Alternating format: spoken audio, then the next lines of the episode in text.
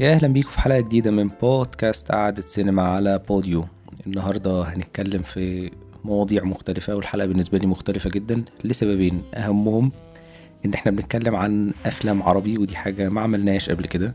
فهنتكلم عن مواضيع كتير في السينما. تاني سبب وهو مهم جدا جدا إن معانا ضيفة وهي أمنية عادل أمنية ناقدة وبتكتب في أكتر من مكان. وبتكتب في مواقع مهمة وكانت عضو لجنة تحكيم في أكتر من مهرجان فيعني عندها آراء بالنسبة لي مهمة والحقيقة غير كده كمان أهم ميزة بالنسبة لي إنها موضوعية في كلامها. يعني مش يعني في ناس نقاد بيبوظوا الفيلم خالص أو بيرفعوا قوي لأ هي بيبقى الموضوع عندها فيه موضوعية كده. فخلينا ندخل في الموضوع ويا أمنية مرحبا بك في بودكاستي المتواضع. مرحبا بك يا أحمد. شكرا. شكرا. إيه خلينا ندخل كده سخنين في المواضيع يعني مش هنقعد نقول إزيك وكده بحس إنها. غريبة إن إحنا قاعدين مع بعض بقالنا شوية أصلا فخلينا نبدأ نتكلم السنة دي حصل حاجة مختلفة جدا وهي تجربه فيلم صاحب المقام. الفيلم كان المفروض ينزل في السينما وطبعا بسبب ظروف كورونا وكده نزل على شاهد فكان بقى ترند اللي الناس بتتكلم على الفيلم بسبب موضوع إن هو فيلم لإبراهيم عيسى أكتر شخص مثير للجدل آخر خمس سنين في مؤخراً. السينما المصرية كلها الفيلم على شاهد والناس قدرت تشوفه في وقت واحد كلهم وبدأت ال reviews بقى وال tweets وال Facebook posts كله. وطبعا ال cast كله يسرا آسر ياسين أمينة خليل بيومي فؤاد. فأنت كنت إيه رأيك في الفيلم في الأول؟ يعني الناس ما قروش رأيك أكيد معظمهم. مهم. هو أنا كنت قلت رأيي في, مقال بس أول ما شفت الفيلم بصراحة يعني أنا ما أقدرش أقول إن أنا من محبي سينما إبراهيم عيسى. بس آه، آه، في نفس الوقت هو بيقدم أفكار حلوة. لكن الأزمة الحقيقية في كيف نكتب الفكرة الحلوة؟ إزاي ممكن. نقدم أو نعالج الفكرة الحلوة؟ دي المشكلة الرئيسيه في في في سينما إبراهيم عيسى. ودي اللي كانت موجودة في فيلم صاحب المقام. رغم إن إحنا بنشوف نجوم يعتبروا يعني يسرى سينما نجمة السينما آه، آسر ياسين برضو نجم السينما. يعني نقدر نقول إن هو فيلم سينمائي فعلا مش مسألة إن ده مثلا فيلم تلفزيوني أو آه، بنشوف آه، ممثل واحد قايم عليه الفيلم. لا بالعكس هو الفيلم فعلا فيه أكتر من نجم وده في حد ذاته مدي الفيلم مساحة كويسة قوي إن الناس كمان تتفرج عليه عشان في قاعدة جماهيرية يعني لكل حد قدر يجذب الناس عشان جداً. وجود يعني. لكن مشكلة الفيلم وده طبعا يعتبر برضه نقلة للسبكي إن هو يقدم فيلم مع إبراهيم عيسى دي برضه. حاجة ممكن نتكلم فيها جدا ده أكيد آه بس الفكرة نفسها إن ال- الفيلم فكرته نبيلة قوي يعني أنا كنت كاتبة المقال كده ال- okay. لو مش- الفكرة نبيلة لوحدها مش هتعمل فيلم كويس okay. رغم إن الفكرة حلوة نفسها جدا والتعامل مع المقامات يعتبر حاجة حذرة شوية عندنا في السينما. ومش كتيرة.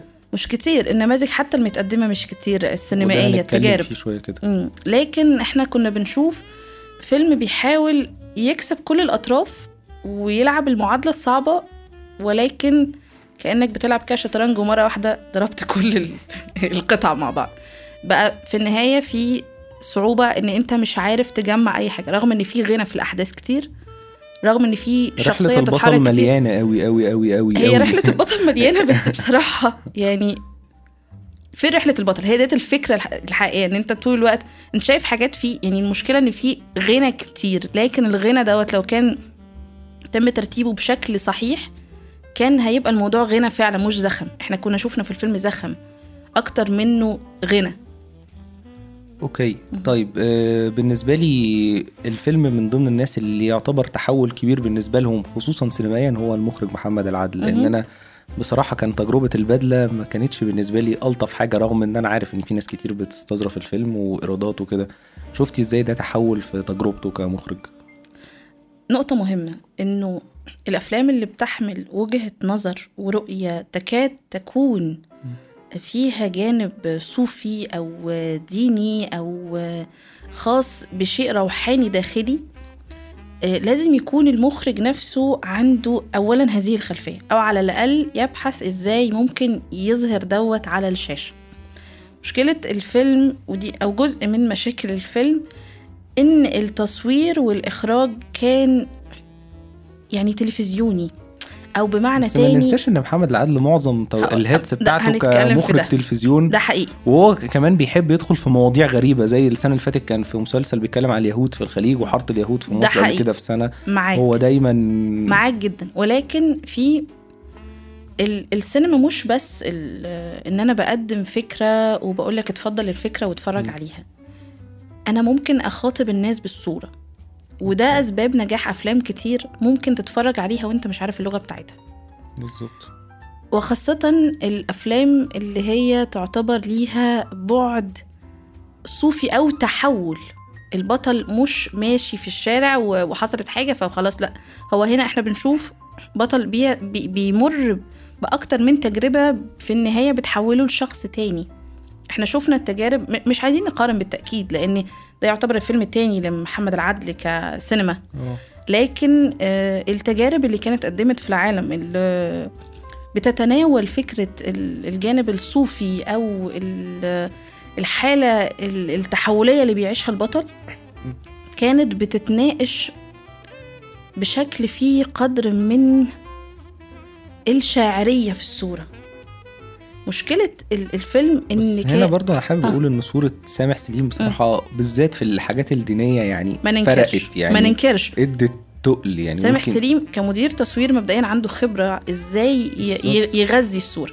ده حلو. ده وبيقدر حلو على. تحديات كتير يعني في حتى في التلفزيون في صحيح السينما ده حلو جدا.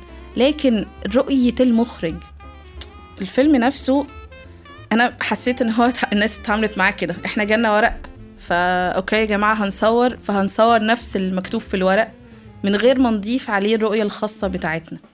عشان كده حتى كان في مشاهد في ذاتها كانت ممكن تغير من آه، الفهم الخاص بالفيلم أو توظيف الممثلين داخل الفيلم بشكل كان يخلق مساحة أو عالم خاص لل للممثلين أو للشخصيات ممكن توضحي النقطة دي عشان الناس ممكن تتوه منها وهقول لك في مثلا مشاهد ظهور يسرا يعني يسرا أنا دي عايز أتكلم آه. فيها بس مأجلها يعني أنا. طول الوقت وأنا كنت بتفرج على الفيلم هي يسرا شخصية تخيلية أنا ولا شخصية أنا أنا دي حقيقية؟ أكتر حاجة كانت النقطة الجاية بالنسبة لي مم. أنا على قد ما أنا شيء أنا بحب يسرا كممثلة جدا. بصراحة يعني مش مجاملة يعني وهنتكلم عنها فعلا لأن أنا, أنا نفسي بحبها كمان. يعني أنا شايف إن الفيلم ده أهم حاجتين أنقذوه بالنسبة لي هو موسيقى خالد الكمار ويا جداً، رب أكون جداً، بنطق اسمه جداً، صح جداً. مع مع العلم إن ال mixing مم. بتاع المزيكا كان عالي آه، جدا آه. جدا جدا من لدرجه. مريبة وصورة سامح سليم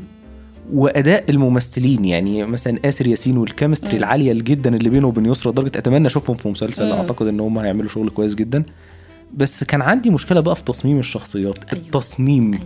مش الأداء يعني أداء يسرا ده لو شلنا أي ممثلة تانية وحطيناها مكانها هت يعني هتحصل أزمة كبيرة أعتقد لأن أنا مش عارف يسرا هي شخصية متشافة أيوة. مش متشافة آه وبالذات يعني اللحظة اللي لبست فيها لبس ال security حسيت إن أنا في كليب معلش يعني مش بهاجم بس أكيد. فعلا أنا حسيت إن أنا في كليب وهي طالعة والناس يقول لا لا دي الست روح دايما الشخصيات اللي هي بتبقى لو جاز التع... يعني التسمية اللي هي الماورائيه أو حاجة مم. بتبقى مش تناولها حساس بس بيبقى لها form كده. يعني حتى يعني حتى لو على الجانب السيء كمان.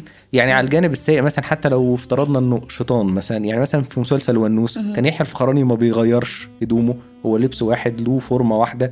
بس بي- كان الصورة الصورة وهي بتقدمه كان نقدر نقول إن أنت بتعرف بتقرأ من خلالها هي. الشخصية ديت إيه وإيه و- دوافعها وما خدناش وقت طويل عشان نعرف إن ده الشيطان حتى والطريقة اللي بيقابل بيها نبيل الحلفاوي و... آه.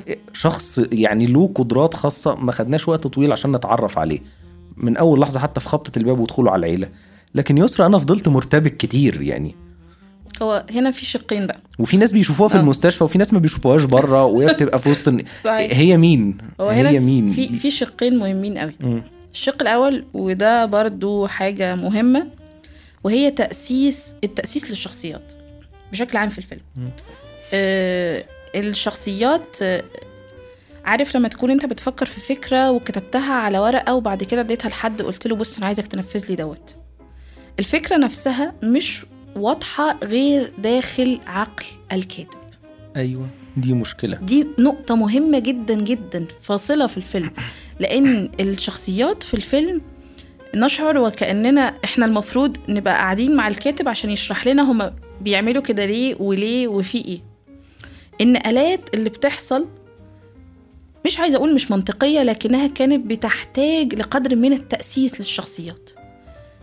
دي مشكلة عند إبراهيم عيسى بشكل عام نظرا لأن هو كتابه السيناريو ليس مش فقط بتقتصر على إن أنا عارف شكل بقسم كتابته وبكتب وبتاع. يعني كتابه السيناريو أعمق من كده بكتير. أنا ممكن في أفلام بتتكتب ما فيهاش كلام كتير لكن بتوضح ال ال النقطة اللي هي عايزة تتكلم فيها. ومش عايزين برضو نحمل الفيلم بأكتر من طاقته.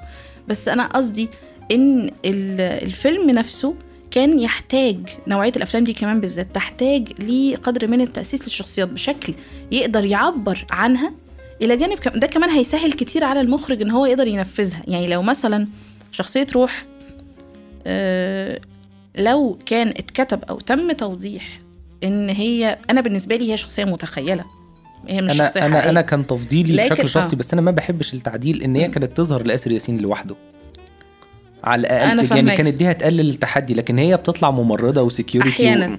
و...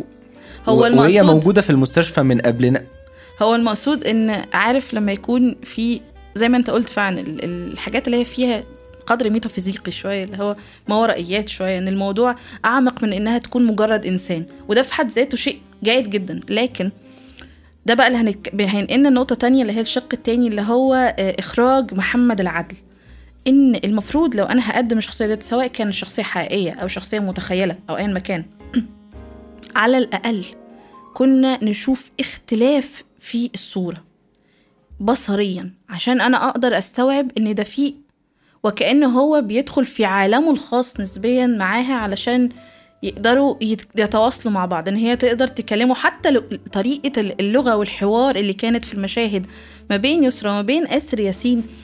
كان فيها قدر من ال, ال يعني كانت كلاشيه شوية وفي نفس الوقت جداً. كان كان مش مش بس كلاشيه كان فيها حاجة تانية اللي هي نقطة إنه إيه أنت مش لازم تفهم مش. لازم تفهم أي حاجة. لدرجه إن هي دخلت على أمينة خليل وعلى فكرة يا جماعة الف- إحنا هيبقى في حرية حرق الواضح آه لا عادي تمام. يعني أظن إن للفيلم الفيلم أخد وقته شوية. فيعني هي في الآخر أمينة خليل بتقول إن هي أقنعتها عادي جدا هي طلعت لها أقنعتها فاللي هو بيس يا أستاذة آه، روح أنا معاك وخلاص في أنا الليلة دي. انبهرت بال plot twist العظيم ده. انبهرت اللي wow. وأمينة خليل أنا كنت حاسس إن اختيار المرض كان لازم يكون sophisticated أو متعوب عليه شوية لأن أمينة خليل يعني تقريبا جالها cramp أو يعني دور برد من اللي عملته حاجة كده يعني. آه يعني الموضوع كان منتهى السهولة جدا وقامت بشكل cool جدا في المستشفى. ال... ده كله برضو بيرجعنا لنقطة مهمة جدا وهي فكرة كتابة السيناريو. لا, لا أقلل على الإطلاق من قيمة آه، إبراهيم عيسى. لكن كتابة السيناريو بتستدعي إن يكون في كاتب فعلا آه، سيناريست.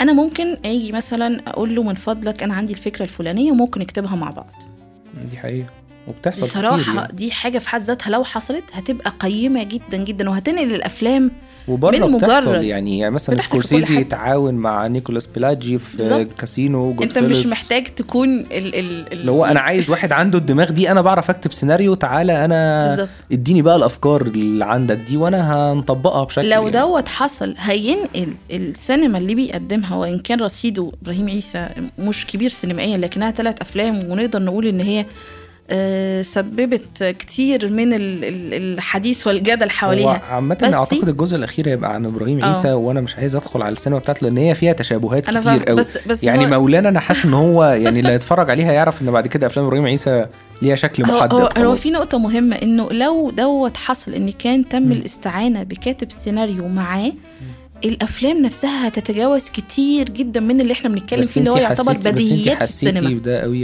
يعني أنا مش عايز زي ما قلت أدخل على. الجزء الأخير بس انتي واثقة في النقطة دي لأن هو اتعاون مع مجدي أحمد علي هقولك. ككاتب سيناريو يعني وكان مخلص جدا لرواية إبراهيم عيسى أنا قريتها بالصدفة يعني. قبل الفيلم بكتير إبراهيم عيسى ككاتب ادبيا ك- ككاتب كتب ككاتب. روايات ككاتب مقالات بيعرف كويس قوي إزاي يوصل الفكرة اللي هو عايزها هو بيعرف يعمل حاجة أهم من ده كل بالنسبة لي يعني معلش لو قطعتك. لا. هو بيعرف يفضل محافظ على رتم الإمتاع حتى لو أنت مش مقتنعة. أيوة. ودي موهبة غريبة جدا. صحيح. يعني أنا مش بحس إن أنا زهقان في أفلامه حتى لو اختلف بس أنا عايز أكمل. هو آه. الوقت هو- بيعدي معاه بسرعة فدي ميزة يعني. دي ميزة مقدرة مهمة. غريبة. مهمة جدا. لا هو اكتسبها من نفس الإيقاع الأدبي وده في حد ذاته وهو كمقدم برامج مسلي مهمة. جدا. يعني هو شخص عنده ده قدرة. الإنترتينمنت عالية جدا. ده حقيقي. حتى كمان على مستوى المقالات. ولكن النقطة المهمة إن السينما الوسيط بتاعها مختلف عن الكلمة فقط. يعني زمان مثلا كان يتقال هو السينما صورة ولا كلمة وكان دوت جدل كبير إنه إيه دوت مش عارفة إيه. لكن السينما مهم جدا جدا إن إحنا نقدر نتواصل بصريا. ده أكيد. دي المشكلة اللي وقع فيها الأفلام اللي نقدر نقول إن هي عارف؟ تحمل فكر. تحمل فكرة لكنها في رغي. يعني المشكلة كلها إن أنت عايز توصل مجموعة من الأفكار في, في فترة زمنية معينة تناسب بطريقتها اللي بتتقدم ديت مقال صحفي.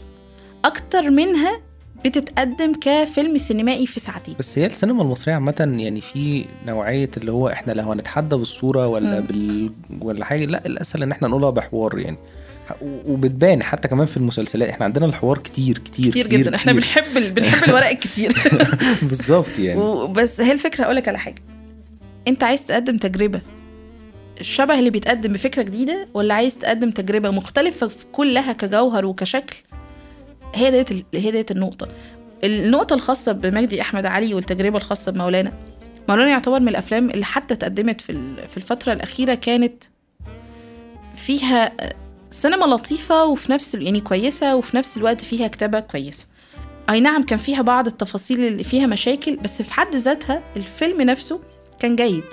ما نقدرش نقول إن الفيلم مش جيد. مجدي أحمد علي ك- كمخرج ليه تجارب حلوة قوي. وكعادة إبراهيم عيسى في أفلامه. وأنا يعني زي ما قلنا دي حاجة مؤجلة شوية. دايما بيختار بطل بيعرف يشيل الموضوع جامد يعني. آه، بالظبط. عمرو سعد كان قد التحدي بشكل مفاجئ ليا. جدا جدا. يعني أنا بشوف عمرو سعد أنا ما تخيلتوش وأنا قاعد أقرأ الرواية آه، بصراحة. كان مفاجئ كممثل يعني. كممثل هو عنده قدرات تمثيلية ممتازة عمرو سعد. بس ساعات بتروح في لكن- مواضيع أنا. مش بحس ان بص هي أنسب مشكلة السينما عندنا أو مشكلة التمثيل إن الممثلين نفسهم مش عارفين هم موهبتهم إيه أو موهبتهم مقدارها حاجة.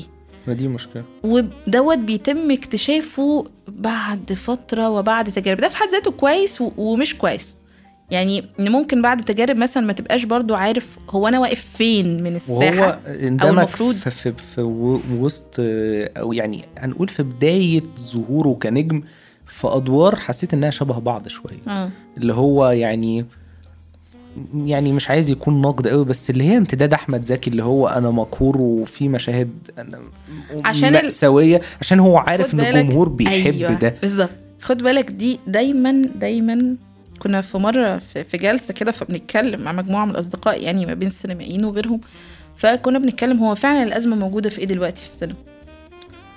فالبعض قال الورق والبعض قال ال- الجمهور وبعض قال الإنتاج بس الفكرة لو لو بصيت للموضوع بشكل ككونكلوجن بقى كله على بعضه هتلاقي إني في منتجين معاهم فلوس طبعا مع الأزمة اللي حاصلة دلوقتي منتجين معاهم فلوس عايزين يعملوا أفلام يكسبوا منها.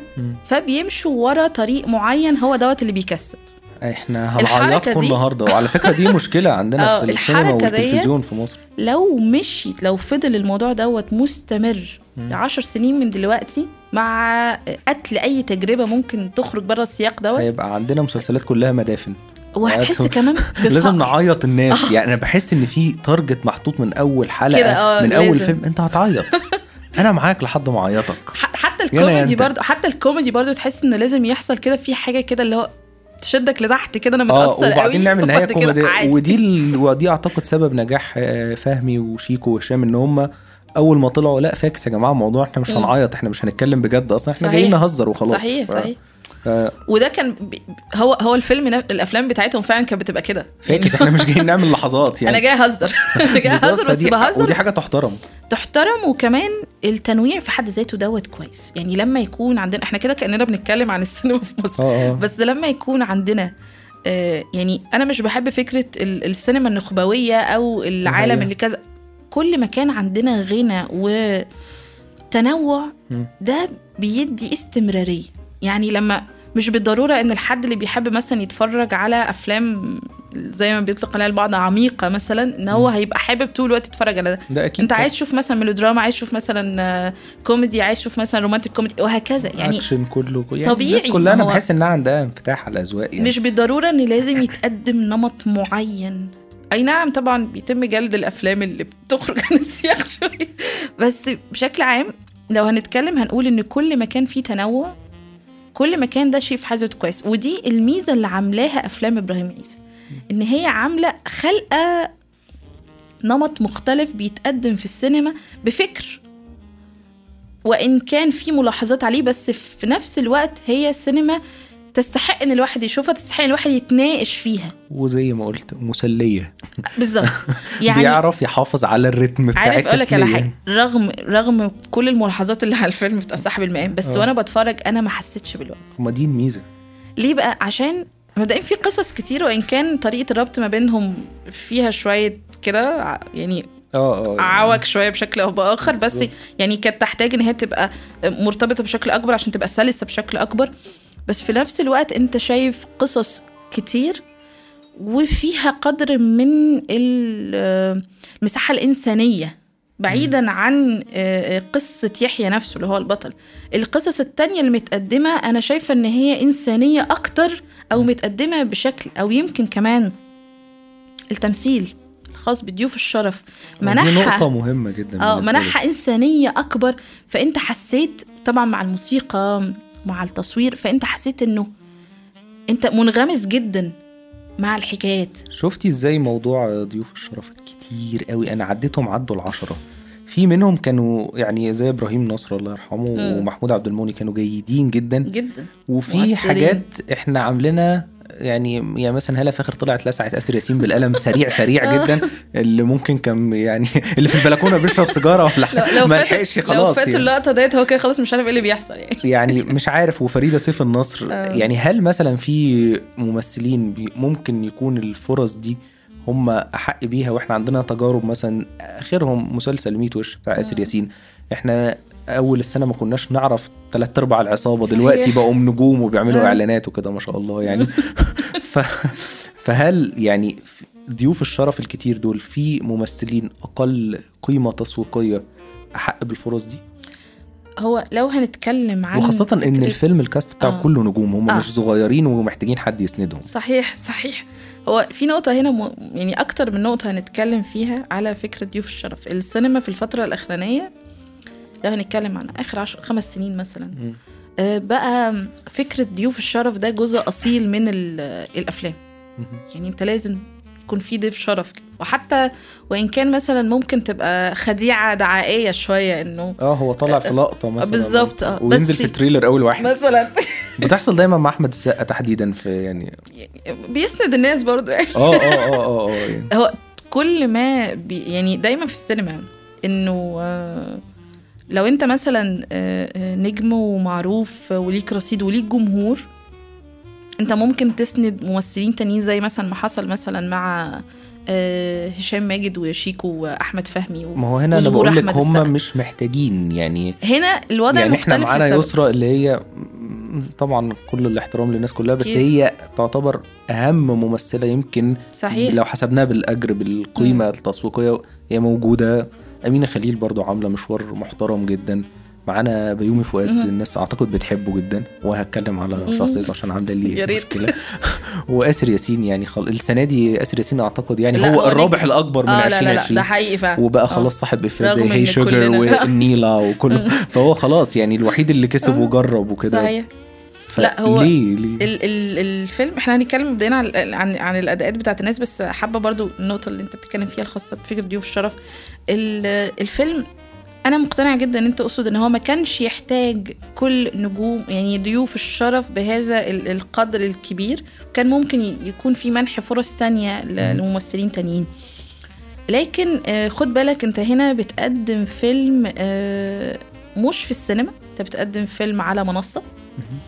الفيلم في حد ذاته آه، لو تلاحظ إن آه، متماشي مع فكرة ضيوف الشرف أصلا اللي بتحصل في السينما بشكل عام. آه، لو بس هي تلاحظ موضة إنه مصرية شوية يعني. لا هي بتحصل في في, في لا يعني هقول يعني خلينا لا هي في- في بتحصل. مصر- يعني بصي آه. أقول لك على حاجة يعني بتحصل بنسب. وبتحصل لازم أنا في وجهة نظري ضيف الشرف اللي هو كمان مش مذكور على. ال trailer ولا الأفيش ولا حاجة اللي هو لما يطلع هوبا أنا يعني انبهرت أنا الخضة اللي اتخضيتها في American Hustle يعني مش عارف شفتي الفيلم ولا لأ بتاع آه. كريستيان بيل وبرادلي كوبر وكده إحنا محتاجين Italian gangster قديم عتيد يبقى إحنا في اللحظة دي بنلجأ لمين. هو واحد بس الكاميرا بتقطع على دينيرو يعني أنا أنا نطيت من على الكرسي يعني من الآخر هو ظهور مفاجئ وفي محله هو. عمل مشهد غير سياق الفيلم وما كانش حد يعرف يعمل الدور ده. هم. هم اتنين تلاتة في العالم اللي بيبقوا Italian gangster هو آل باتشينو وجو بيشي. ما ما عندناش غيرهم. خلصوا. صحيح. بالظبط. لكن هنا يعني هل في حاجة ليهم؟ هل كانوا فريق ما فيش حد كان مفصلي يمكن باستثناء إبراهيم نصر ومحمود عبد المغني وهم أصحاب أقوى أداءات فعلا. لو هنتكلم عن مسار ال أو ق- قيمة الممثلين أو ضيوف الشرف داخل النص هقول لك هو مع ومش مع. بمعنى إنه لو أنت كنت استعنت بأي ممثل ما كانش ممكن يدي القوة للقصص نفسها بنفس القيمة.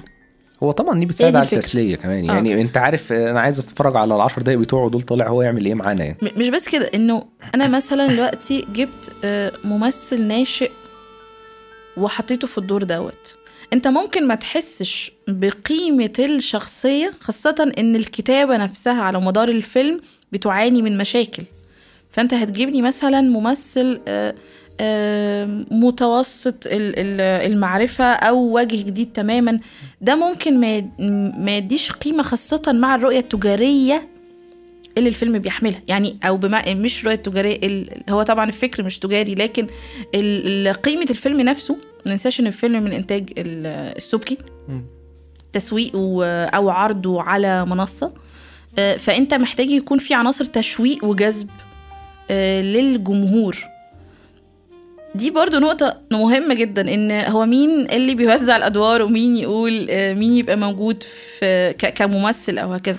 بس وفي حاجة بتشغلني هل إحنا عن عايزين نجيب فلان ضيف شرف فبنكتب له جزء ولا؟ أنا فعلا دي عندي فضول آه ليها. فهمك لا ما أظن. يعني لا يعني إحنا احتاجناه ولا إحنا يعني خلقنا له احتياج؟ هقول لك على حاجة. هو ما أظنش إن إبراهيم عيسى بيعمل كده يعني أوكي. عشان يعني أي نعم في شوية حاجات كتير مشاكل بس دي ما أظنش يعني أنا ما. أظنش آه لأن أنا بحكم شوف اللي شفته في فيلم الضيف أو مم. مثلا مولانا لا هم شكلهم كنا مزنوقين فيهم فعلا بس في السينما عندنا أنا مش عارف دي حاجة هو بقى- هو في نقطة مهمة إنه هو عايز يقول كلام كتير وعن طريق الكلام آه آه فأنا بعمل إيه أجيب ممثلين يقولوا الكلام أوكي. عشان لازم يكونوا ما أنا مش هجيب مثلا حد من الشارع وأقول له قول الكلمتين دول. الا. يعني ده حصل في الضيف. أي نعم مع الأسف يعني.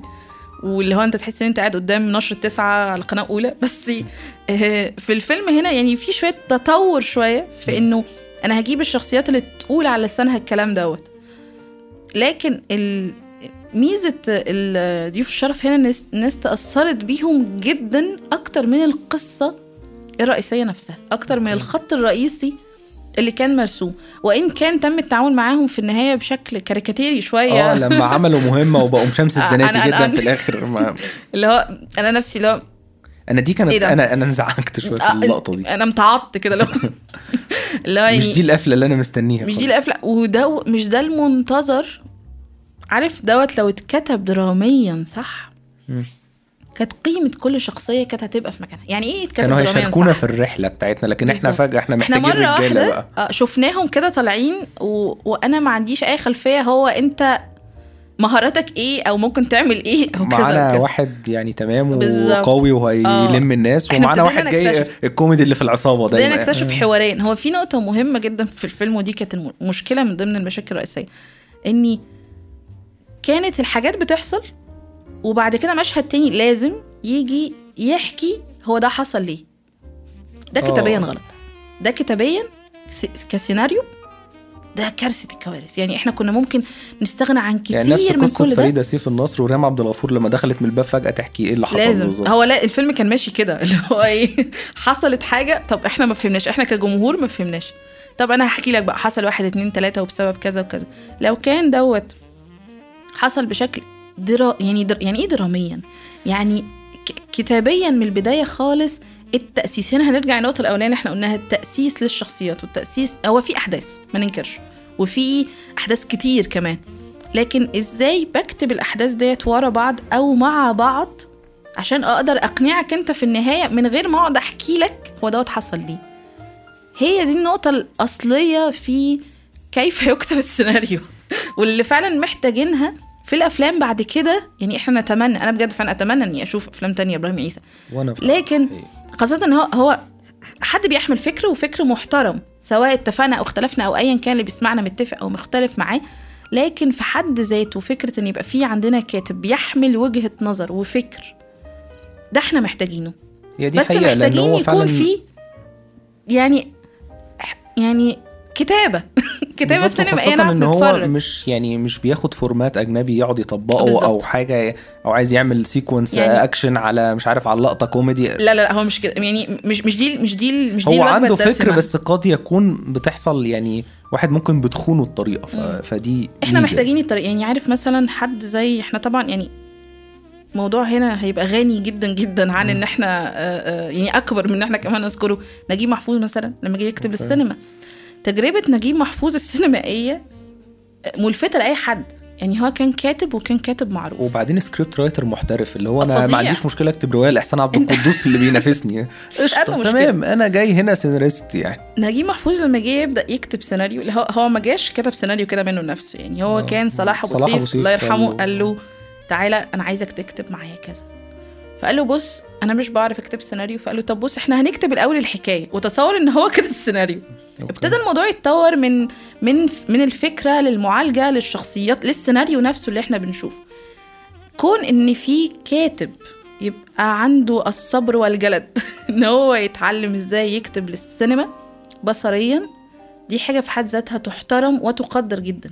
وشخصياته قوية جدا. مفيش جداً، واحد مهما كان شخصية حتى لو غابت في وسط حاجة أحداث مفيش الفيلم حاجة بتظهر يعني اعتباطا. بالظبط يعني, اللي هي ظهرت عشان بس إحنا عايزينها تظهر. هو حتى مهما اختفى شوية وغاب عننا بتلاقيه بيرجع ليه تقله مثلا زي فريد شوقي في بداية ونهاية مثلا, مثلا آه طبعا. بيغيب ويغطس شوية كده وبعدين رجع ليه دور وفاكراه. يعني واحد إيه اللي رجعه يعني؟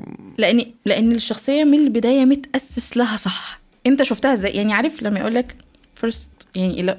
first impression آه، عنه خلاص بقى شفته للأول وهلة وهو فهمك هو إيه.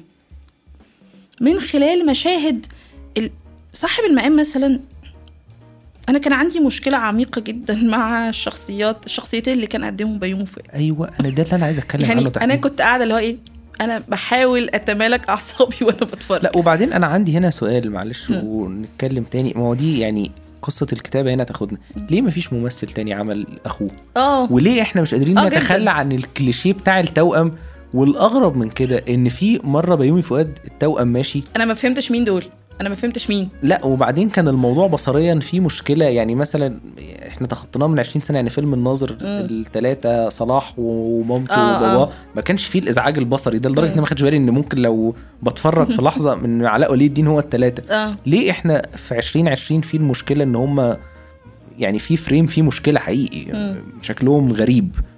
مش مش ماشي مش مش مش مع بعض آه. و- وبعدين شخصية حكيم دي أنا حسيت إن أنا نفس شخصية حسين الشربيني في جري الوحوش كنت لسه هتكلم عن كنت ده النموذج اللي كنت هتكلم واسمه عنه. حكيم والتاني عشان ما أعرفش هل مثلا اللدغه مع احترامنا لأي حد عنده لدغة هل يعني آه، الشرير ما- آه. ألدغ فكلامه ما فهمتش يعني ما فهمتش ال... ال... بس هقول لك يعني وأنا بتفرج استحضرت بالظبط بالظبط شخصية حسين الشربيني في جري الوحوش بالظبط يعني يعني ما فيش أدنى بس حسين مشكلة. الشربيني كانت شخصيته بالنسبة لي أفضل يعني لأنها كانت لأن- منغمسة شوية في الأحداث وفي الآخر بيهزر معاهم وتمام قشطة يعني هو صاحبهم.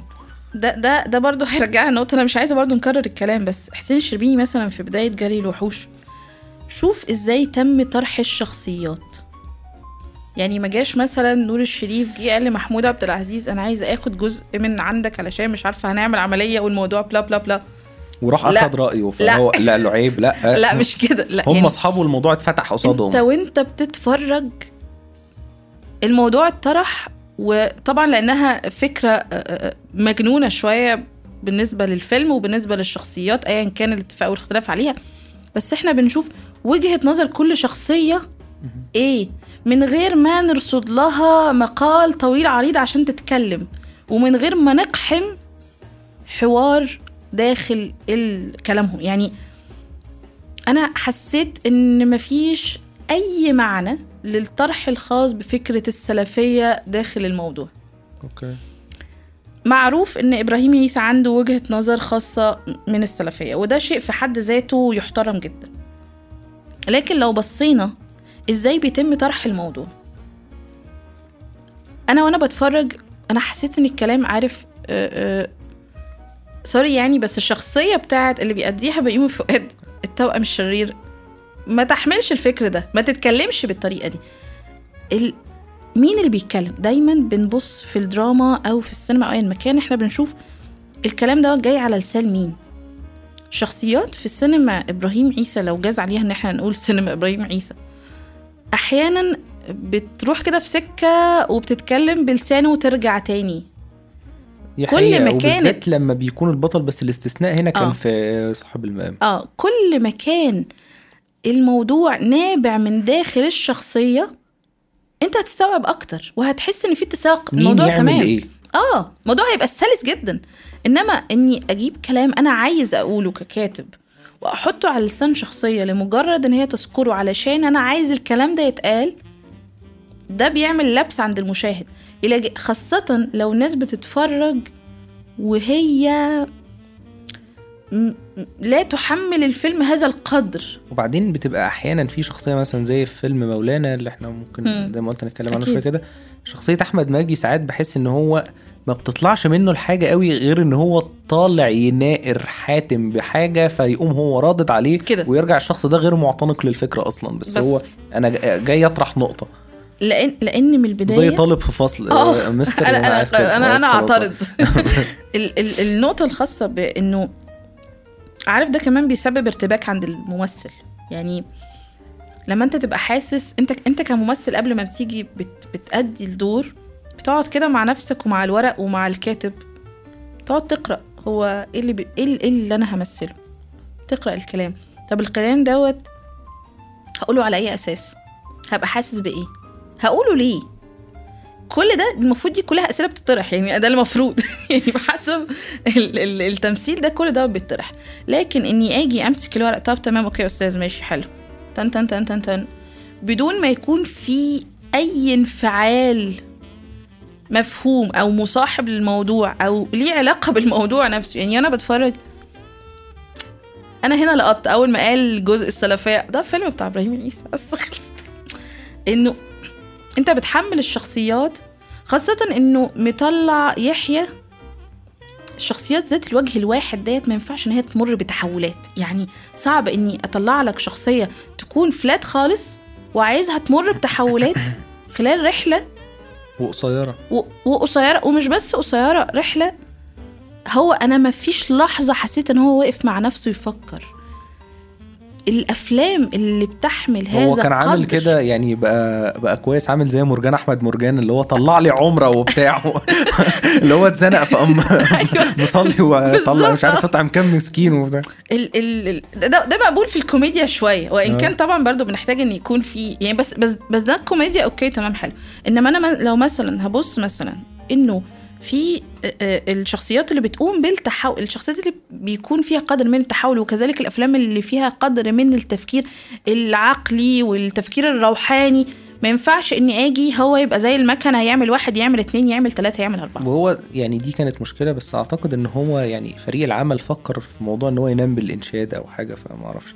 دي ما كانتش آه طيب. أظرف نقطة بالنسبة طيب. لي يعني يعني ده ما كانش يعني- أظرف حل يعني. بص هو عار- عارف لما النقطة ديت مثلا اتطرحت في معالي الوزير؟ معالي الوزير طبعا أحمد زكي ووحيد حامد.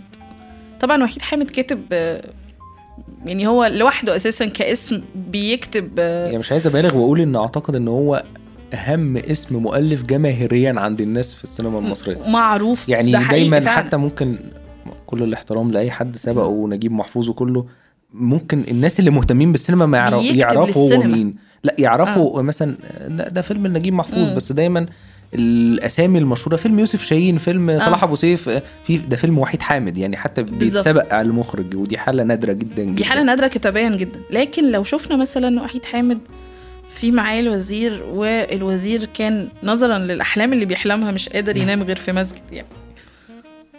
بص دوت حصل له إزاي؟ التأسيس للشخصية يا جماعة. إزاي الشخصية وصلت للمرحلة دي؟ إن هو وزير ولكن ما يقدرش ينام غير في جامع ما يقدرش ينام غير في سجن. هو ما دخلش مرة واحدة نايمه في السجن وبعد كده يجي يحكي لك أصل هو الوزير دوت بيعاني من كذا وكذا وكذا وكذا. عارف لو دوت حصل؟ رغم الفيلم أساسا كان قصير واتهاجم بشكل أو بآخر نظرا للقصة ال- المدة الزمنية كان حوالي ساعة وربع يعني. وأنا أذكر إن أنا حتى لما حضرت الفيلم كان آه أي نعم كنت صغيرة وقتها شوية بس كان شفت وسمعت بودني ناس بتقول إحنا عايزين فلوسنا هو الفيلم إزاي خلص وهو قصير كده؟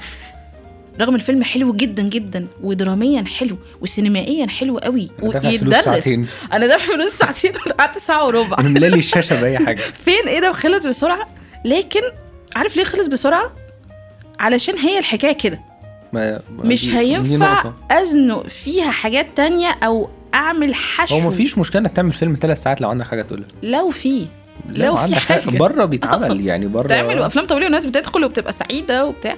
بس لو في فعلا حاجة تحتمل المدة الزمنية. إنما أحيانا مثلا يتقال لك الفيلم دوت ممكن يبقى فيلم قصير. الفيلم دوت يبقى فيلم طويل. ليه؟ ليه ده؟ ليه إحنا ليه الكلام ده بيتقال؟ مش لأن القيمة أقل أو حاجة لكن الفيلم هو هيقول الثلاث أربع صفحات ديت. كده. لو ابتديت تحشي في حاجات تانية هيبقى الموضوع سخيف. و...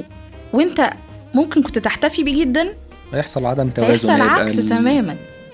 اللي هو إيه ده؟ هو إحنا قاعدين ليه؟ حصلت. هو المشاهد دي ليه أصلا؟ إحنا كنا ممكن نمنتج ده كله ونشيله. دي مشكلة دي مشكلة. ده ما كانش حاصل في الفيلم هنا في صاحب المقام لكن الربط ما بين القصص وبعضها ده ما كانش حاصل. وما شفناش التحول الحقيقي للشخصية البطل اللي هو يحيى على مدار القصص ديت. وإن كان القصص نفسها مؤثرة جدا وهو تقريبا طالع في كل المشاهد الخاصة في كل قصة. لأن هو بيلاحق بس طبعا اللي عدى دي بصراحة أداء آسر ياسين وكاريزمته طبعا وخص... وخاصة إن هو بقى عنده جانب كوميدي في شخصيته وكان مستخبي عننا بالظبط. وفي نقطة يعني. مهمة كمان ان ودي تعتبر آه، مستجد شوية آه، عند إبراهيم عيسى إن هو إزاي يوظف الكوميديا. هو على فكرة هو كاتب؟ كوميدي ممتاز. أنا أنا كنت أنا كان في فعلا لقطات أنا كنت بضحك. هو كاتب كوميدي آه، ممتاز. يعني يعني فيلم بضحك. الضيف ده المفروض في بعض. في أنا ما أعرف. هو كاتب كوميدي مم... وبيعرف آه. يرزع إفيهات. يعني لا وفي مش عندي ناس معروفة بالموضوع. كده وساخرة شوية فاهم؟ اللي هو فيها كده مساحة كده. ويلفها من ورا جدا بس بتنجح. بالظبط. في فعلا في الفيلم مشاهد أنا فعلا ضحكت. في فعلا جانب كوميدي وده عارف خف شوية من حالة ال ال- ال- اللي هو إيه الصعبانيات الشديدة اللي طول بتاع سلوى عثمان وسلوى محمد علي اللي هو بتاع قهوة من أول قهوة الكلاب لحد فوق بقى ده كان- وصور آسر ياسين ده كان وال selfies. وبتاع. ده كان رهيب جدا. بس ال ال الفكرة بقى نفسها إحنا بن جايبين الشخصيات ديت ليه؟ عايزين نقول إيه من خلالها؟ هي ديت النقطة الفيصلية شوية. أعتقد إن إحنا اتكلمنا عن صاحب المقام بما فيه الكفاية. بس أظن إن إحنا اتكلمنا بشكل يعني نقول اللي ليه واللي عليه يعني بس هو فعلا في جوانب كتير كويسة. يعني صحيح يعني جداً. هي دي مناقشة مش نقد للفيلم. يعني يعني لو حد بيحب الفيلم إحنا مش بنقطع فيه. ده زي كده إحنا أخدناه مدخل لمواضيع تانية. بالظبط بالظبط. خلينا بقى ندخل على الموضوع التاني بقى اللي كان بوابتنا ليه صاحب المقام. هو فكرة المقامات في السينما والجزء ده بصراحة أمنية كانت مهتمة بيه يعني. فأنا ده مساحتك. انت. إيه رأيك في الموضوع ده؟ انت تقولي لنا إيه؟ يعني مثلا الحكاية ابتدت من إمتى؟ أنا أنا بصراحة ما جمعتش إن هو ده جزء قائم بذاته. يعني فكرة المقامات دي وحاجة أنا كنت بشوفها بمواضيع بس انت حسستيني إن هي ليها موضوع وسينما يعني متجذرة من زمان في السينما المصرية. فايه رأيك؟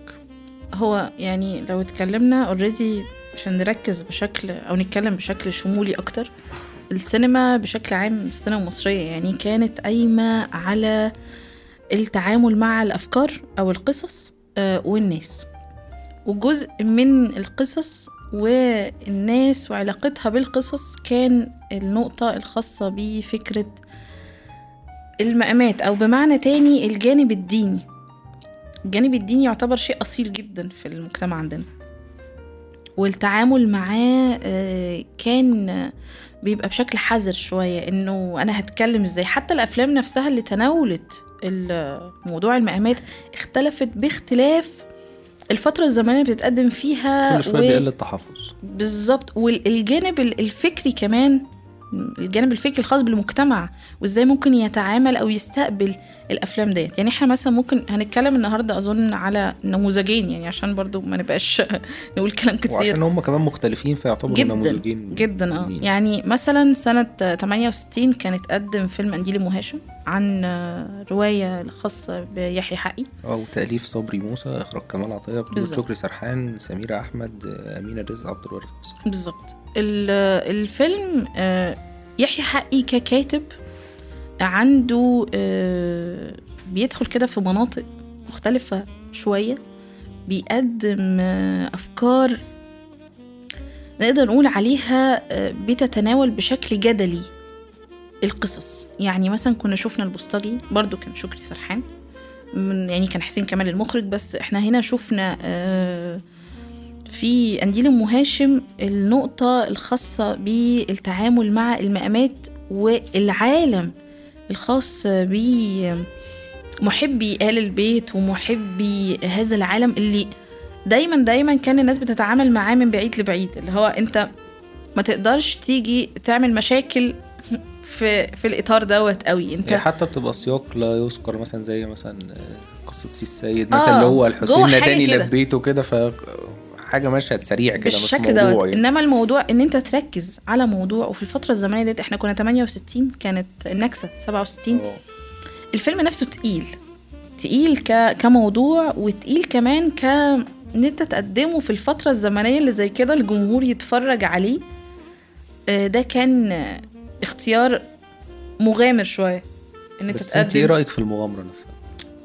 مش أنا في بحب المغامرة إيه الفيلم. رأيك في الفيلم؟ أنا بح... أنا بحب الفيلم. وإن كان في بعض النقط أنا حاسس اللي إن في مشاكل في الفيلم يعني. بالظبط. هو في بعض المشاكل بس الفيلم ككل وكيفية التعامل مع فكرة المقامات أنا شايفة إن هي كانت ملائمة جدا مع الفترة الزمنية.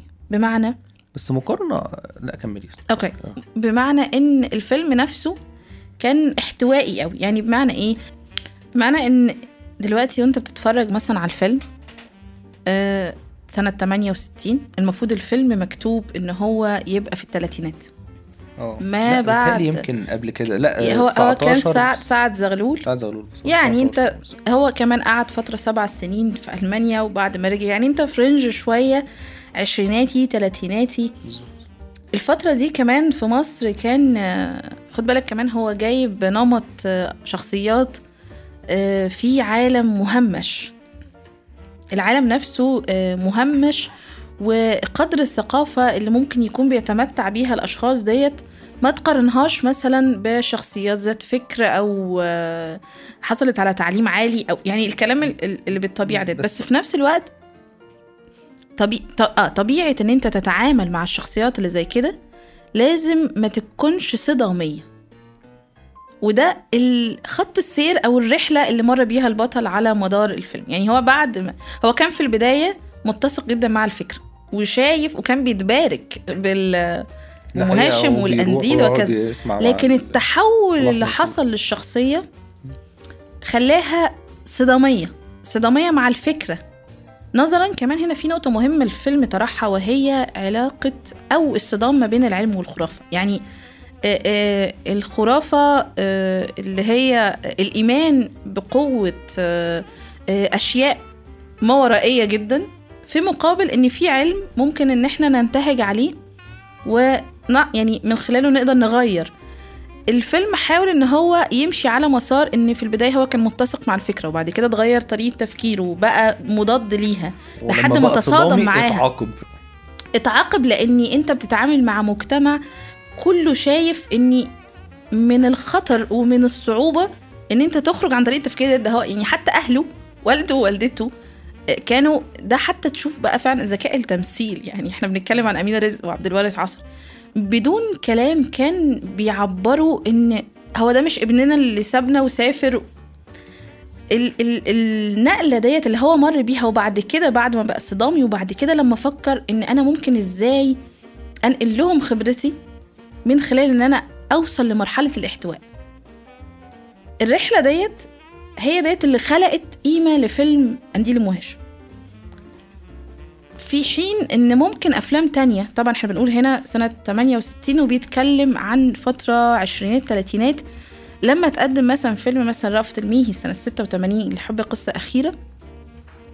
الفيلم أنا مبدئيا بشوف إن هو من أفضل الأفلام اللي قدمها رأفت هو اندر ريتد وممكن ناس كتير ما تعرفوش ت- هو بطولة. يحيى الفخراني ومعالي زايد وتحية كاريوكا وفي عبلة كامل وأحمد راتب يعني ناس كتير cast يعني يعني تقيل. على الأقل حتى الناس ال- الأجيال الجديدة أخدين عليهم يعني بالظبط. كامل أحمد راتب يحيى الفخراني الناس كلها عارفين ويعتبر سينما مختلفة تماما عن الفانتازيا اللي كان بيقدمها رأفت الميهي بس يعني تقريبا دي مرحلة ما كانتش بدأت لسه الفانتازيا ما هو عند- بالظبط ما هو ما هو يعني رأفت الميهي نفسه ك كحد ككاتب وكمخرج مر بمراحل تشعر إن هي منفصلة عن بعضها شوية. يعني كانت بدايته كمان في الكتابة زمان. يعني هو مثلا أغلب يعني ناس كتير ما تعرفش إن هو اللي كان كاتب غروب الشروق كفيلم.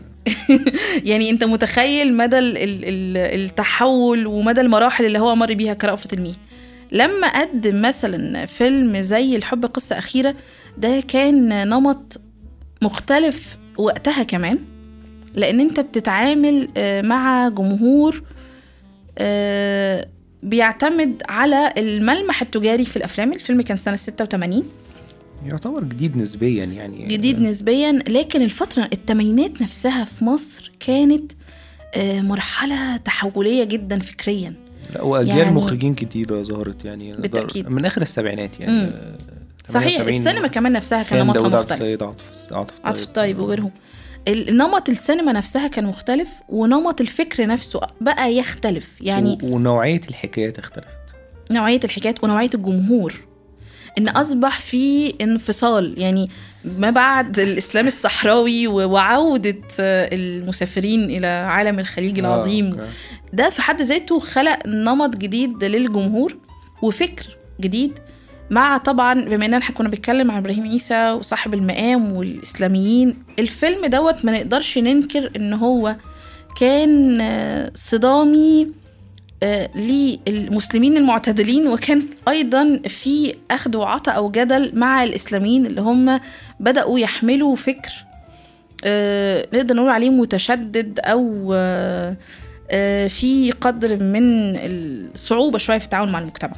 يعني في الفترة ديت كان في بداية لظهور السلفية بشكل أو بآخر كذلك التعامل مع آه، أو يعني برضو الإخوان المسلمين يعني أنت طول الوقت فترة الثمانينات ده بالذات في مصر كانت فيها مشاكل يعني هو آه، كل لا الفترات. فيها مشاكل بس ال- ال- اللعب اللي كان بيحصل والتعامل وتوظيف و... و... ونقدر نقول عليه إقصاء وغيره اللي طب كان ممكن بيحصل توضحي دي في. الفيلم يعني أنت كنت واضحة قوي في في فيلم قنديل ومواشم يعني. رحلة البطل آه. الأمور كانت واضحة هقول لك اللي على بيسمعنا وممكن حتى ما شافش آه. الفيلم أو عايز يتفرج عليه مش هيعرف يربط كلامك معاه هو بالنسبة لي آه، للحب قصة أخيرة. مبدئيا هو إحنا هنا قصاد قص قصص إنسانية داخل إطار مجتمعي أكتر منها إن إحنا بنتقاطع مباشرة مع آه، فكرة المقامات ودي كانت نقطة ضعف ونقطة قوة. في نسبيا يعني ممكن ممكن تحس إن هي بتشوشك عن الفكرة شوية وفي نقط ناس بتروح وتيجي ما عرفتش هم جم ليه وراحوا ليه وكده. و... إيه فائدتهم يعني آه مش السياق. إيه فايدتهم؟ أنا مش ضد ظهور آه، شرفي أو ظهور بس مش حاسه بيغذي العمود الفقري للأحداث. دي كانت مشكلتي مع الفيلم الوحيدة تقريبا. هو ال... بس المميزات كانت أكتر الحقيقة. بكتير. بصراحة الفيلم مميزاته كانت أكتر بكتير. وأولهم أداء تحية كاريوكا اللي كان استثنائي بالنسبة لي. استثنائي وخاصة إن هو كان قليل جدا. مشاهد بسيطة لكنها كانت مؤثرة. يعني تحية كاروكا كان ليها تجارب في فكرة الظهور القليل اللي هو كضيفة شرف. يعني انجاز إن إحنا نقول ضيفة شرف. يعني مثلا الطريق لا أحد ينسى آه، آه، أدائها والمشاهد القليلة لما كانت والده رشدي اباظه ده كان عن رواية ممثلة قوية. الحقيقة يعني. جدا جدا لا جدا. يعني هي يعني هي آه راقصه في الأول وكله بس يعني دايما الشخصيات اللي بيجوا من مجال بره التمثيل آه. سواء الغنى أو الرقص أو في مصر لعب الكورة أو أي حاجة نادرا لما بتحس إن هو. له تقل مم. كممثل. هي تقلها كممثلة كبير. خاصة لما اتضاف على الأداء ال- التمثيلي جانب من جوانب الشجن. وده شفناه في في الفيلم في جانب شجن وكذلك في جانب قوة. آه، الفيلم هنا ما نقدرش نقول إن هو آه، بيقول لك أنا فيلم مقامات بقدر ما هو فيلم إنساني بيتقاطع مع الفكر المصري. يعني هو فيلم مصري بامتياز. في في في. خصوصية جدا جدا للفيلم سواء كان في إطار المكان أو في إطار تفكير الشخصيات. اللي جزء منه فكرة المقامات. اللي نقدر نقول إن هو مشهد النهاية هو أكتر مشهد آه، في آه، ال- ال- الظهور بشكل واضح لفكرة المقامات والتناقض المجتمعي وفي رمزية في نفس الوقت وعدم تعقيد فدي حاجة بالظبط. دي دي. كمان دي, دي سلاسة شديدة جدا جدا في الفيلم انت ما تقدرش تقول في الفيلم دوت أنا مش فاهم هي عملت كده ليه بالظبط لأن طول الفيلم هو بي بيغذيهم انسانيا انت شايف قصص إنسانية وقصة حب يعني هتتدمر وهتموت. ودخول فكرة المقام عليها هو اللي كان عارف يعني كان عرضي يعني هو كان جزء من الحكاية. مش هو مش بيقولك أنا جاي بتكلم على المقامات بل على العكس هو كان جزء من الحكاية فكرة طرح الفكر المغاير لفكر ال- البطل. وكمان في نقطة مهمة لجوء البطل لنقطة المقام كانت وكأنها من باب طيب إحنا هناخد هنحاول نتعامل مع كل الحلول الممكنة لأن هو هنا بيتعامل مع نقطة مهمة جدا مع لو أجاز التعبير إن إحنا هنقول الحقيقة الواحدة ال- الحقيقية أو الحقيقة التاريخية الواحدة اللي هي فكرة الموت. إنه في حاجات كتير ممكن تمنعها بس الموت هو الحاجة الوحيدة اللي ما ولا تتنبأ بيها ولا إن أنت آه، ما تعملهاش. ويمكن كان في رمزية كده بالشخصيه اللي كانت بتلعبها والدة عبد العزيز مخيون أيوة. موتها وهي فوق التسعين و... في حين إن الشاب التاني اللي هو يعتبر في, اوج الشباب خلاص هو هو هو فعلا هيموت و... ودي كانت الشكوى الرئيسية للناس اللي بيندبوا في آخر الفيلم أيوة. هنا بقى توظيف المقام هنا قيمة الفيلم توظيف المقام كرمزية وكجزء من الفكر اللي كان موجود والسائد وقتها إنه وإن كان مثلا شفنا إن الفيلم كان فيه قدر من الصدامية وده بقى اللي كان مختلف.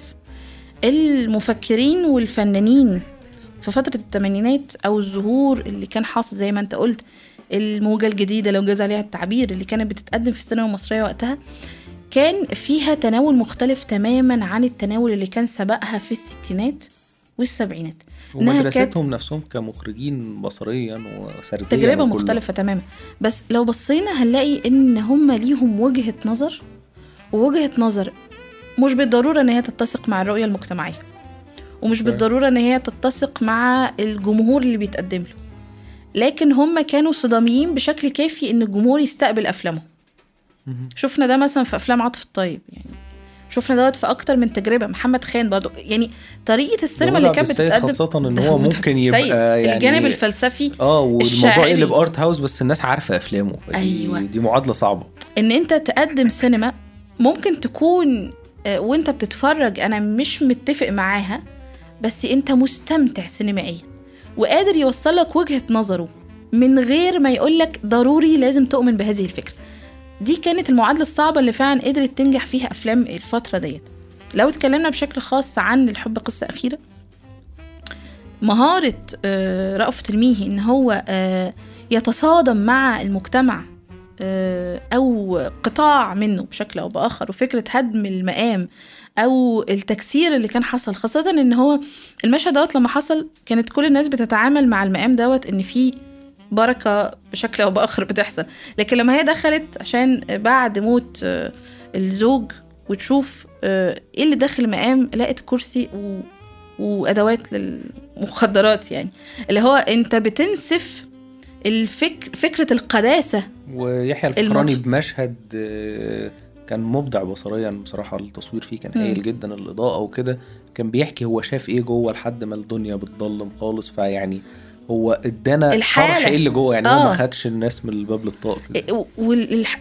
يعني فكرة الحالة الروحية اللي بيقدمها الفيلم وإن هم على ضفاف النيل الحالة اللي فعلا الفيلم بيرسمها كلها على بعضها الجانب الروحي اللي طول الوقت أنت عايش فيه في في حين إن ممكن يكون أنت كأنك منفصل عن العالم الخارجي. يعني كأن اختيار كمان جزيرة الوراق في حد ذاتها في الفترة الزمنية ديت والمكان والشكل وطريقة التصوير للمكان وكأنك على جزيرة معزولة لكنها جزيرة في زي كده الحكايات بتاعت زمان حكايات ألف ليلة وليلة إن آه انت مرة انت, ناس على جزيرة ومش آه. عارف حصل لهم إيه و...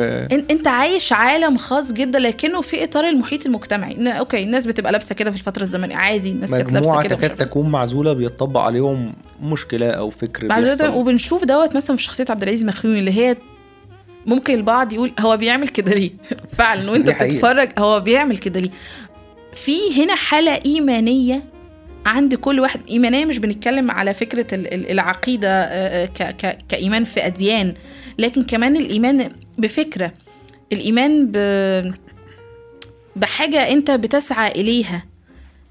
كل شخصية من الشخصيات اللي موجودة عندها إيمان بشكل أو بآخر بحاجة معينة. البطلين كانوا مؤمنين بالحب وقيمة الحب نفسه لكن قيمة الحب قصاد آه، الموت قد لا تساوي شيئا. هي هي ديت الفكرة نفسها.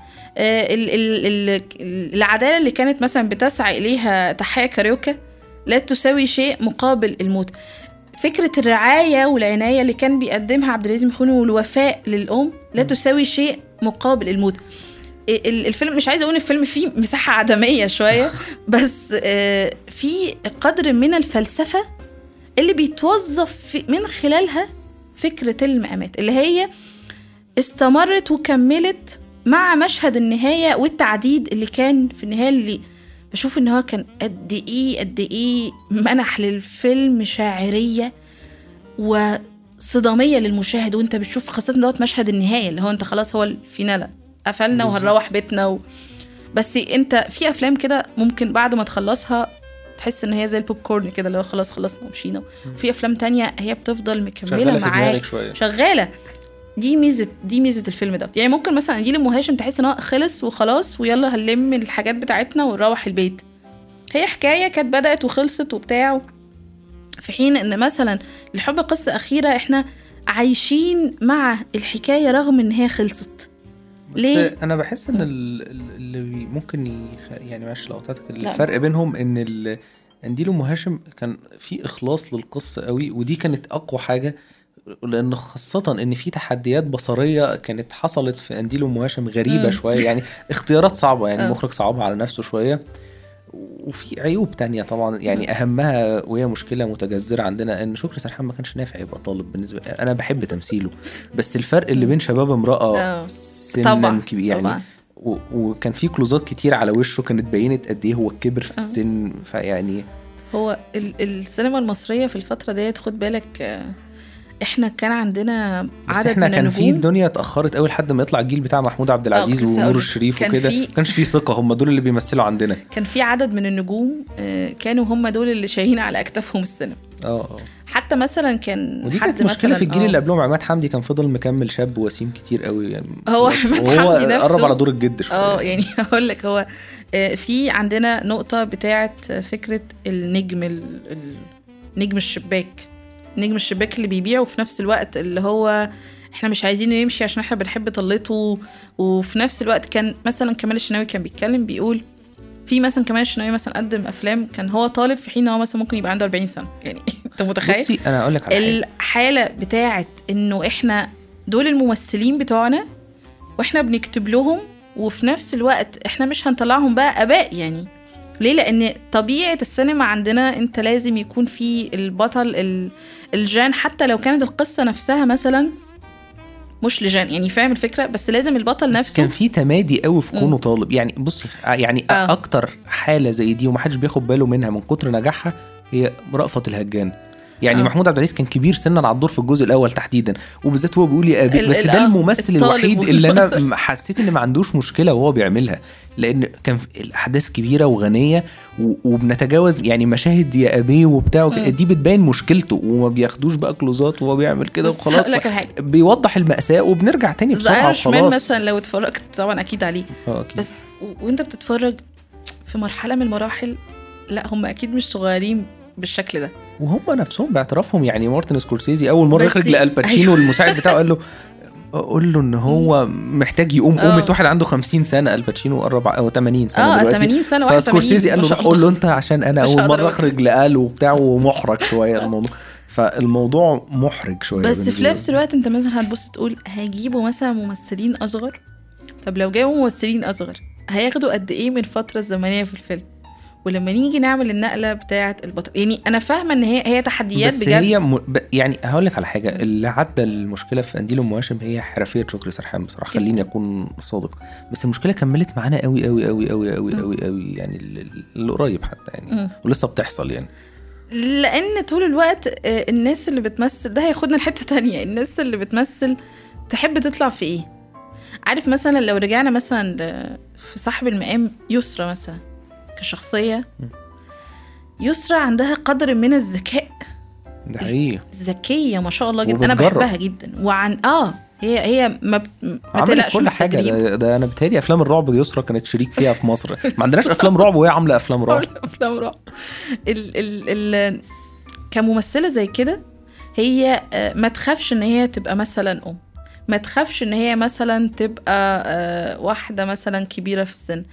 يعني هي بتتعامل مع أنا أقدر أقدم إيه وسني إيه والشخصية إيه. يعني هي مش هتيجي مثلا تلعب مثلا دور آه، بنت في جامعة. يعني تفهمني؟ حتى لو حد قال لها دوت وحتى لما بتعمل دور يعني كان في المسلسل الأخير كانت طالعة في دور فيه لقطة لازم تطلع صغيرة في السن في الثلاثينات أو آه. كده عدوها بذكاء يعني جابوا بصت. عينيها آه. مثلا وخلاص وأنجزنا مش بقى وهي داخلة أنا. صغنطوطه أنا. لا هي بتكمل دي يعني. كمان بتبقى فعلا كمان فعلا حرفية مخرج و... و...